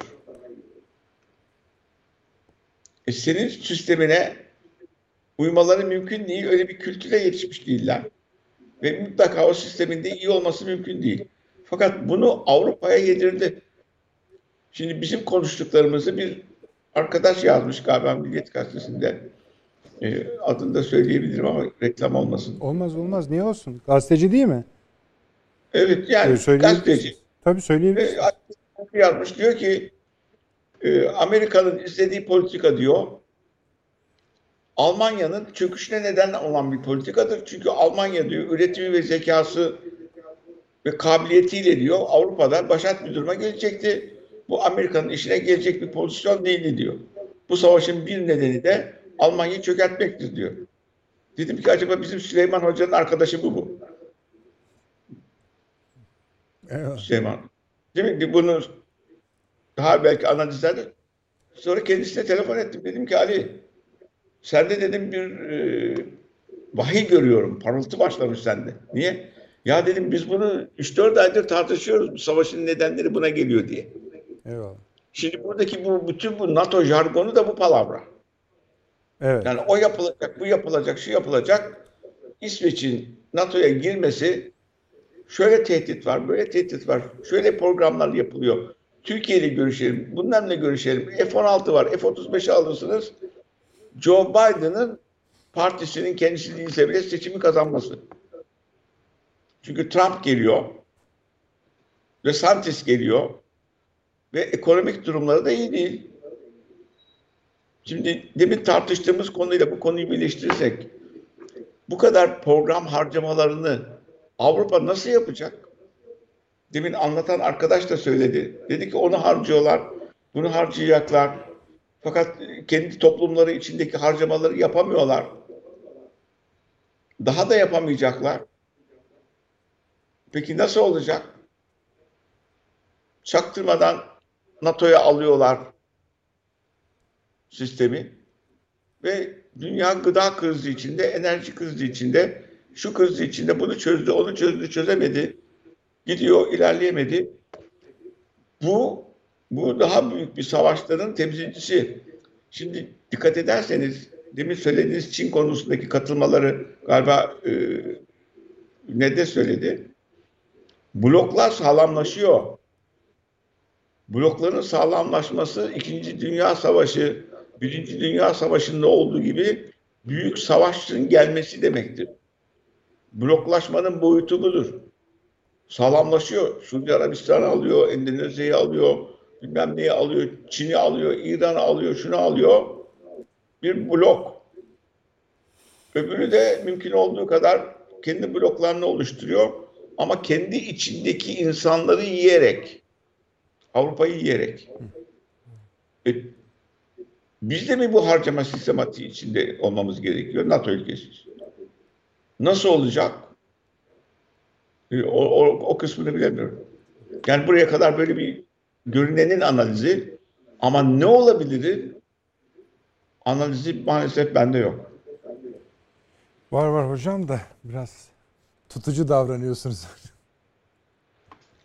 Hani normal olarak kabul etmeyeceğini tahmin ediyorum. Çünkü Evet. nasıl olsa Macaristan Ekim ayına attığına göre elimizde bir fırsat var. Ama Ya Ne gibi bence ben okullar o- söyleyeyim size mesela e, İngilizler, e, Amerikalılar hani Türkiye evet dese Macaristan kolay diye düşünüyorlar. tahmin etmiyorum çünkü yeni bir analiz okudum. Bunu e, National Security'ye yazmış. Macar asıllı bir analizci yazmış. Amerikalılar da izin vermiş. Diyor ki Orta Avrupa yeni dünya gelişmeleri karşısında sırf batıya bağlı olarak yaşayamaz diyor. Bu iki yapıyı birbirine birleştiren bir köprü pozisyonunda girmelidir. Çünkü yeni bir yapı oluştu. Ekonomik düzen değişti. Askeri düzen değişti. Siyasal ve sosyal düzen değişti. Şimdi mesela üçüncü dünya ülkeleri demiyorlar. Küresel üçüncü gruplar gibi bir laf çıkartıyorlar. Küresel üçüncüler. Yani eskisi gibi az gelişmiş değil de küresel üçüncüler. Evet. Şimdi bu yapı içinde bu olay devam edemez diyorlar. O halde nasıl götürecekler bu şekilde bu olayı? İki tane blok, ortada küresel üçüncüler. İki tarafa da denge kurmaya çalışarak Türkiye gibi uğraşıyorlar. Ama bir taraf sonuna kadar bastırıyor NATO, NATO, NATO gelişmesi, yeni planlar, yeni düşmanlar. Yeni düşman yok ya. Yeni bir askeri düşman yok. Yeni bir takım ekonomik gelişmeler var. Oradan rahatsız olan Amerika var. Yeni askeri düşman diye onunla savaşmak isteyen, bir takım topraklarını genişletmek isteyen hiçbir kimse yok. Yani benim görebildiğim. Ya şöyle bir isim. Büyük Amerikan oyunu. Custer'ın son direnişi. General Custer'ın falan. Peki hocam. Teşekkür ediyorum. Avni Bey buyurun. Yani şeyin gelişinden de alabilirsiniz. Direkt İsveç, NATO, Vilnius, Türkiye. Tabii o NATO toplantıları sürecinde belki tablo biraz daha netleşebilir. Ben e, Türkiye'nin önüne ne koyacaklar ki e, İsveç Başbakanlığı niye çağırdı? Hı, mes- Hayır. çok ilginç değil mi? Yani ne Yani kulak mı İsveç çekecek Başbakanıyla- dersiniz? Yok. İsveç Başbakanıyla görüşeceği ne var yani? Sen şunu de Türkiye bu işi halletmiş olacak. Hayır. İsveç Başbakanı söyleyeceği hiçbir laf Ankara'yı ilgilendirmeyecek. Dediklerini yap dese Hayır. Dediklerini yapamaz. Yapamaz. Yapmayacaklar zaten. E o zaman Yani şöyle bir şey var. Bu işin demin işte sen de soruyor, söylüyorsunuz siz de e, patronu kim? Bu iş kim yönetiyor? Bu işi Amerika Birleşik Devletleri yönetiyor. Başka yöneten yok ki. Bu işin patronu o. İsveç bir Haçlı seferi başlatıyor. Esasında İsveç. Yani bu ne bu Kur'an-ı Kerim yakmaya kınama cezası bilmem ne filan yani.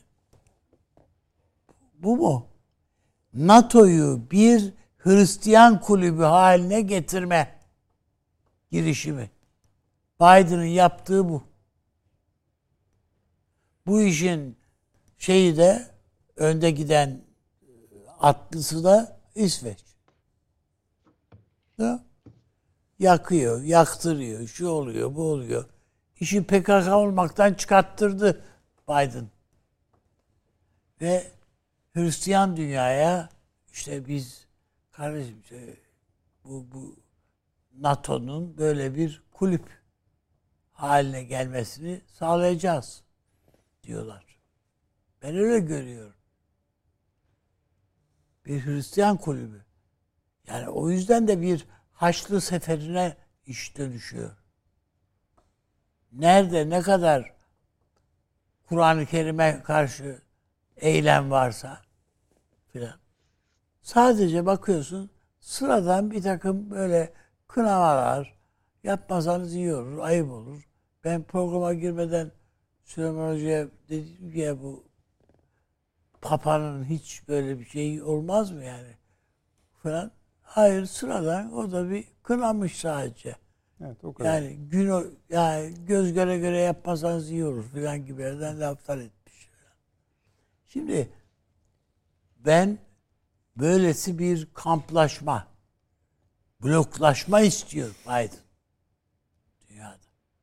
Çin'in filan bu işi yapma gücü yok. Etkisi de olmaz. Yani o Şangay, Mangay yani ne olacak? Oralarda gezer dolas, dolanırsın. Ama bir bloğu yönetmek, bir ikinci dünya, üçüncü dünya savaşını yönetmek, kontrol etmek, o başka bir iş. Bunu yapabilecek deneyime sahip Çin yok. Bu, bu- böyle bir şey yok.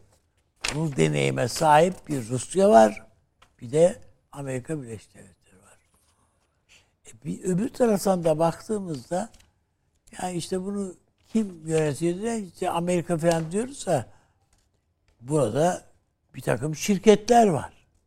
Bunlar yönetiyorlar yani. yani Amerika dediğim Biden değil. Biden'dan ibaret değil. Ona bırakmazlar zaten bunun kararını. Orada işte adamın kendisinin özel sektörün kapitalist dünyanın bir ordusu var. Blackwater deniliyor bunlara. Kiralanmış, maaşlı ordular bunlar. Dünyanın her tarafında savaşabilirler. Her şeyi yapabilirler ve tamamen sorumsuzlar. Yani başka o zaman başka şey olsa bu bu insanlar işkence yaptıkları için mesul tutulabilirler. Efendim üzerine gittikleri, savaştıkları ülkenin hazinesini filan yağmaladıkları için yargılanabilirler filan. Hayır bu paralı askerler, bu Blackwater denilen askerler bunların hiçbir bölüm mesuliyetleri yok. Yani kimseye karşı hesap vermek mecburiyetleri yok. Bu işin tadını Ruslar da aldı. Oligarkların az ordusu var bir tane işte. O da bu şeyler. Wagner. Maaşlarını da o oligarklardan alıyorlar zaten. Rusya'da para kalmadı çünkü. 70 bin lira Türk parası karşılığı 75 bin lira civarında bir maaş alıyorlar. Ve şu ana kadar yani şey olmamış, aksamamış maaşlar. Bu e, İsveç meselesinin ne zaman çözüleceğini düşünüyorsunuz? Bir, iki, çözülmezse yani ne diyecekler Türkiye'ye? Bir şey mi diyecek? Kardeşim zaten zaten söylüyorlar yani adamlar bir şekilde NATO'ya fiilen aldık diyorlar ya. Tamam da mesele o Sen değil. hayır de. Ya oylamalara katılmıyor e, veya imza atmıyor o kadar yani. Ama mesela para ama para ödeyemeyecek ama. Ha? Para ödeyemeyecek. Ne biliyoruz?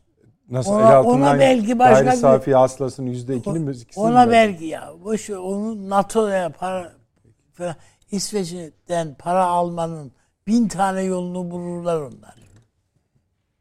Şimdi mesela Yunan basını dedi ki Vilnius zirvesi Türkiye'nin Batı ile ilişkisini belirleyecek dedi.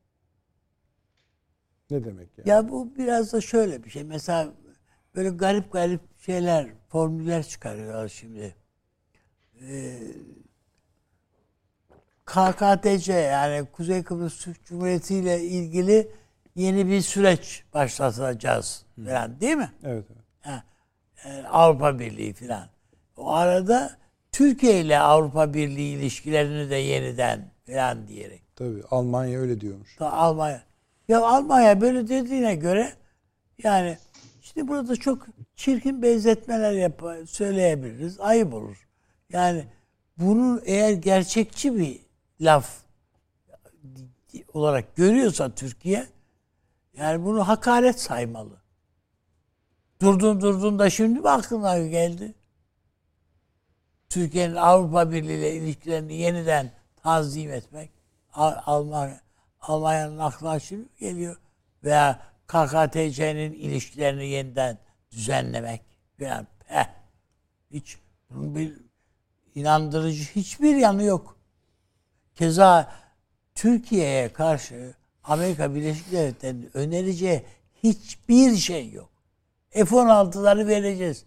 Lan vermesen. Yani Türkiye bana yani tabii bu böyle bir şey olmaz tabii. Diplomasi de yapılmaz Aslında da. o da konuşuluyor yani. Da olur yani da konuşuluyor kardeşim yani. istemiyoruz bu F-16'ları. Al bir tarafına koy diyeceksin. Yani istemiyoruz. Bunun dışında ne söyleyebilir? Ha diyebilirse ki kardeşim biz bu PKK işinden vazgeçtik. PYD işinden vazgeçtik. Bu devlet mevlet işte. Ha burada senden birlikteyiz. Ne istiyorsan öyle yapalım. Tasfiye mi edeceğiz? Nasıl yapacağız? Ne? Bu- operasyonları sen mi yapacaksın? Ben mi yapacağım? Ha böyle bir şey söylüyor mu? Hayır böyle bir şey söylemiyor.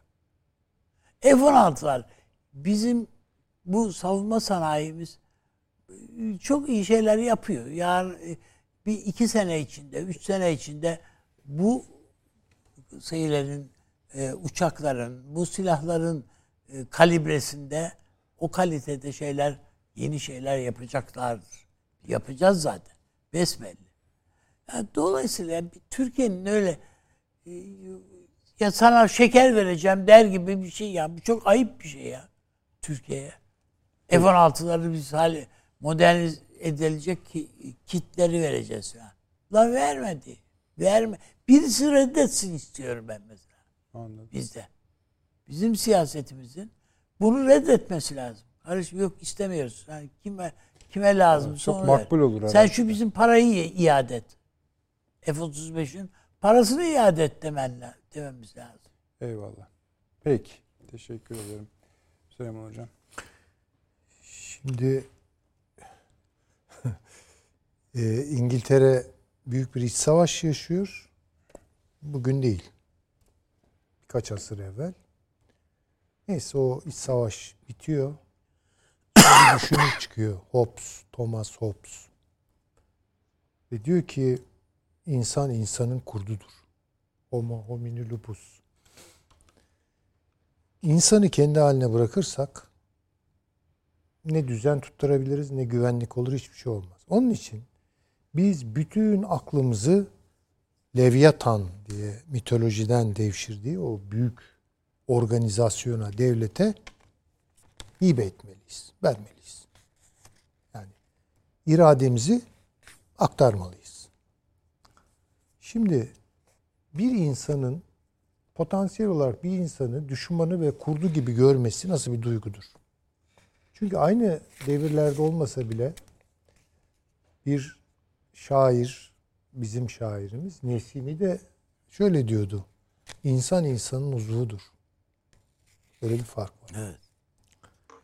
Şimdi bu bir insanı yani türdeşini gördüğü an birinin şüphe duyması, endişe etmesi ve kendini ondan koruma arzusu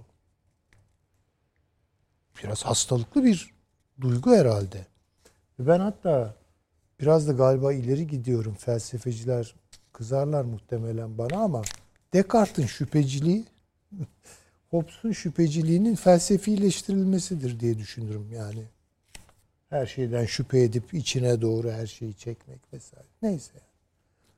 Şimdi savaş, iç savaşlar, kavimler arası savaşlar, dini topluluklar arası savaşlar, uluslararası savaşlar, savaşlar. Şimdi bu savaş psikozu yani. Tanımadığınız insanları düşman görme ve cinsinizin yakın, size emrettiği yakınlık duygusunu yani insan olma, ünsiyetten gelir bakın. ins kökü Arapçada. Evet. Ünsiyet yakınlaşmadır. İnsanlığınızdan vazgeçmek demektir. Yani siz homo homini lupus dediğiniz zaman insanlığınızdan vazgeçtiğinizi söylemiş oluyorsunuz aynı zamanda. Çünkü insanlık dediğimiz şey ünsiyet kesbetmek. ins oradan gelir. Arapça bilenler daha iyi anlatırlar. Savaş. Şimdi yeniden bu psikozu yaşıyoruz şu an biz. İnsanlar yani baktığınız zaman bu psikozun içinde. Şimdi savaşlar böyle tek başına değil. Yani başka felaketler var. Tarihsel felaketler. Mesela salgın hastalıklar. Mesela orta çağı kasıp kavuran bir veba falan değil mi yani? Ve kıtlıklar. Ve göçler. Şimdi bunların hepsi adeta böyle bir araya geldiler ve böyle prizmanın içinden geçiyor ve insanlığı adeta böyle kara deliğe sürükleyen bir tesir doğuruyor halindeler. Şimdi Biden, Amerika Birleşik Devletleri, NATO, Avrupa çıkıyor diyor ki Biden hepimiz diyor konsolide olalım. Ortak düşman var. Tamam Ortak düşman kim? İşte Rusya, Çin vesaire bir şeyler uyduruyor. Şimdi bu zaten bu dünyanın zaman ruhunun doğurduğu bir ifade. Daha doğrusu zaman ruhsuzluğunun doğurduğu bir ifade herhalde. Daha doğru olacak bu şekilde söylemek. Ama şimdi dikkat edelim. Karşılığında ne oluyor? Şangay ne yapıyor? Veya BRICS. Tamamen ekonomik. Şimdi ben şöyle bakıyorum. Şangay örgütüne katılanlar kim? Rusya, Hindistan, öyle mi? Çin, İran, Pakistan da var değil mi? Var. Bunların hepsi birbirleriyle kavgalı. Ama ekonomik olarak yakınlaşıyorlar. Ama siyasi ve askeri olarak çok gevşekler. Yok gibi yani. Ufak tefek girişimler var. İşte burada bir ortak bir şey donanma kurabilir miyiz? İşte Rusya donanmasıyla Çin donanması ortak bir tatbikat yapıyor. Bunlarla olmaz. Çünkü şu an Biden iktidarı Avrupa ile Amerika'yı birbirine kenetledi. Ve silindir gibi geçti. Yani sadece ekonomik olarak değil, aynı zamanda askeri ve siyasi olarak vaziyet aldılar. Şimdi arada böyle bir farklılık var. Şimdi şöyle düşünüyorum ben. Türkiye'nin sıkışmışlığı bu İsveç meselesinde. Bunları biz söylüyoruz tamam ahlaken, moral olarak, felsefi olarak tartışıyoruz. Bir yere koyuyoruz ama bir de pratik sorunlar var. Ne yapacak Türkiye? Bu sıkışmışlık içinde. Eğer şeye meylederse diyelim ki çok sıkıştı Türkiye üzerine geldiler falan lanet olsun dedik ve biz çıkıyoruz bu NATO'dan bilmem ne. Gideceğimiz yer askeri olarak ve siyasi olarak boş. Nasıl bir dönüşüm olacak bu? Eğer tersini yaparsak hani fabrika ayarlarına dönmek kabilinden peki biz NATO'nun gereklerini yerine getiriyoruz.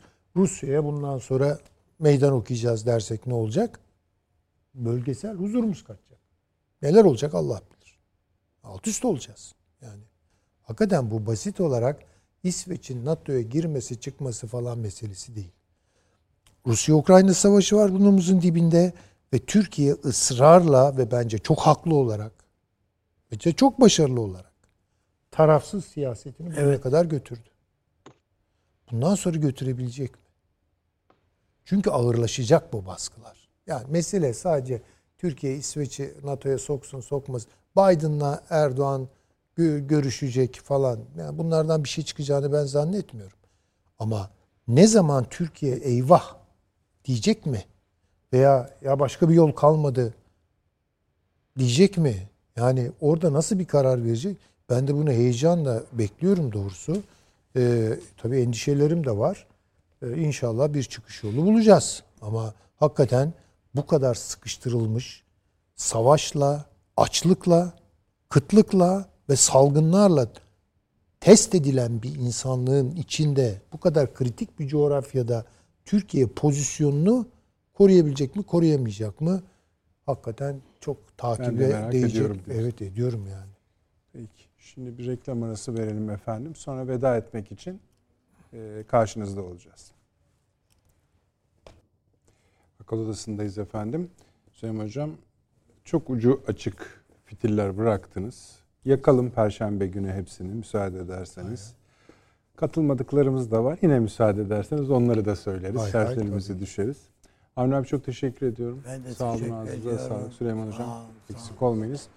Hasan Hocam artık bir iki ay sonra mı döneceksiniz? Ne zaman döneceksiniz bilmiyorum ki. 20'sinde bir geleceğim. Ha, harika. Biraz kalacağım. Ee, Avni abi pahalılıktan kaçıp gelmiş. tabii tabii. Dayanamamış. Peki Hasan Hocam çok çok çok teşekkür ediyorum. Ağzınıza sağlık. Eksik olmayınız. Sağ olun. Efendim çok tabii size teşekkür ediyoruz. Perşembe günü devam edelim inşallah. İyi geceler.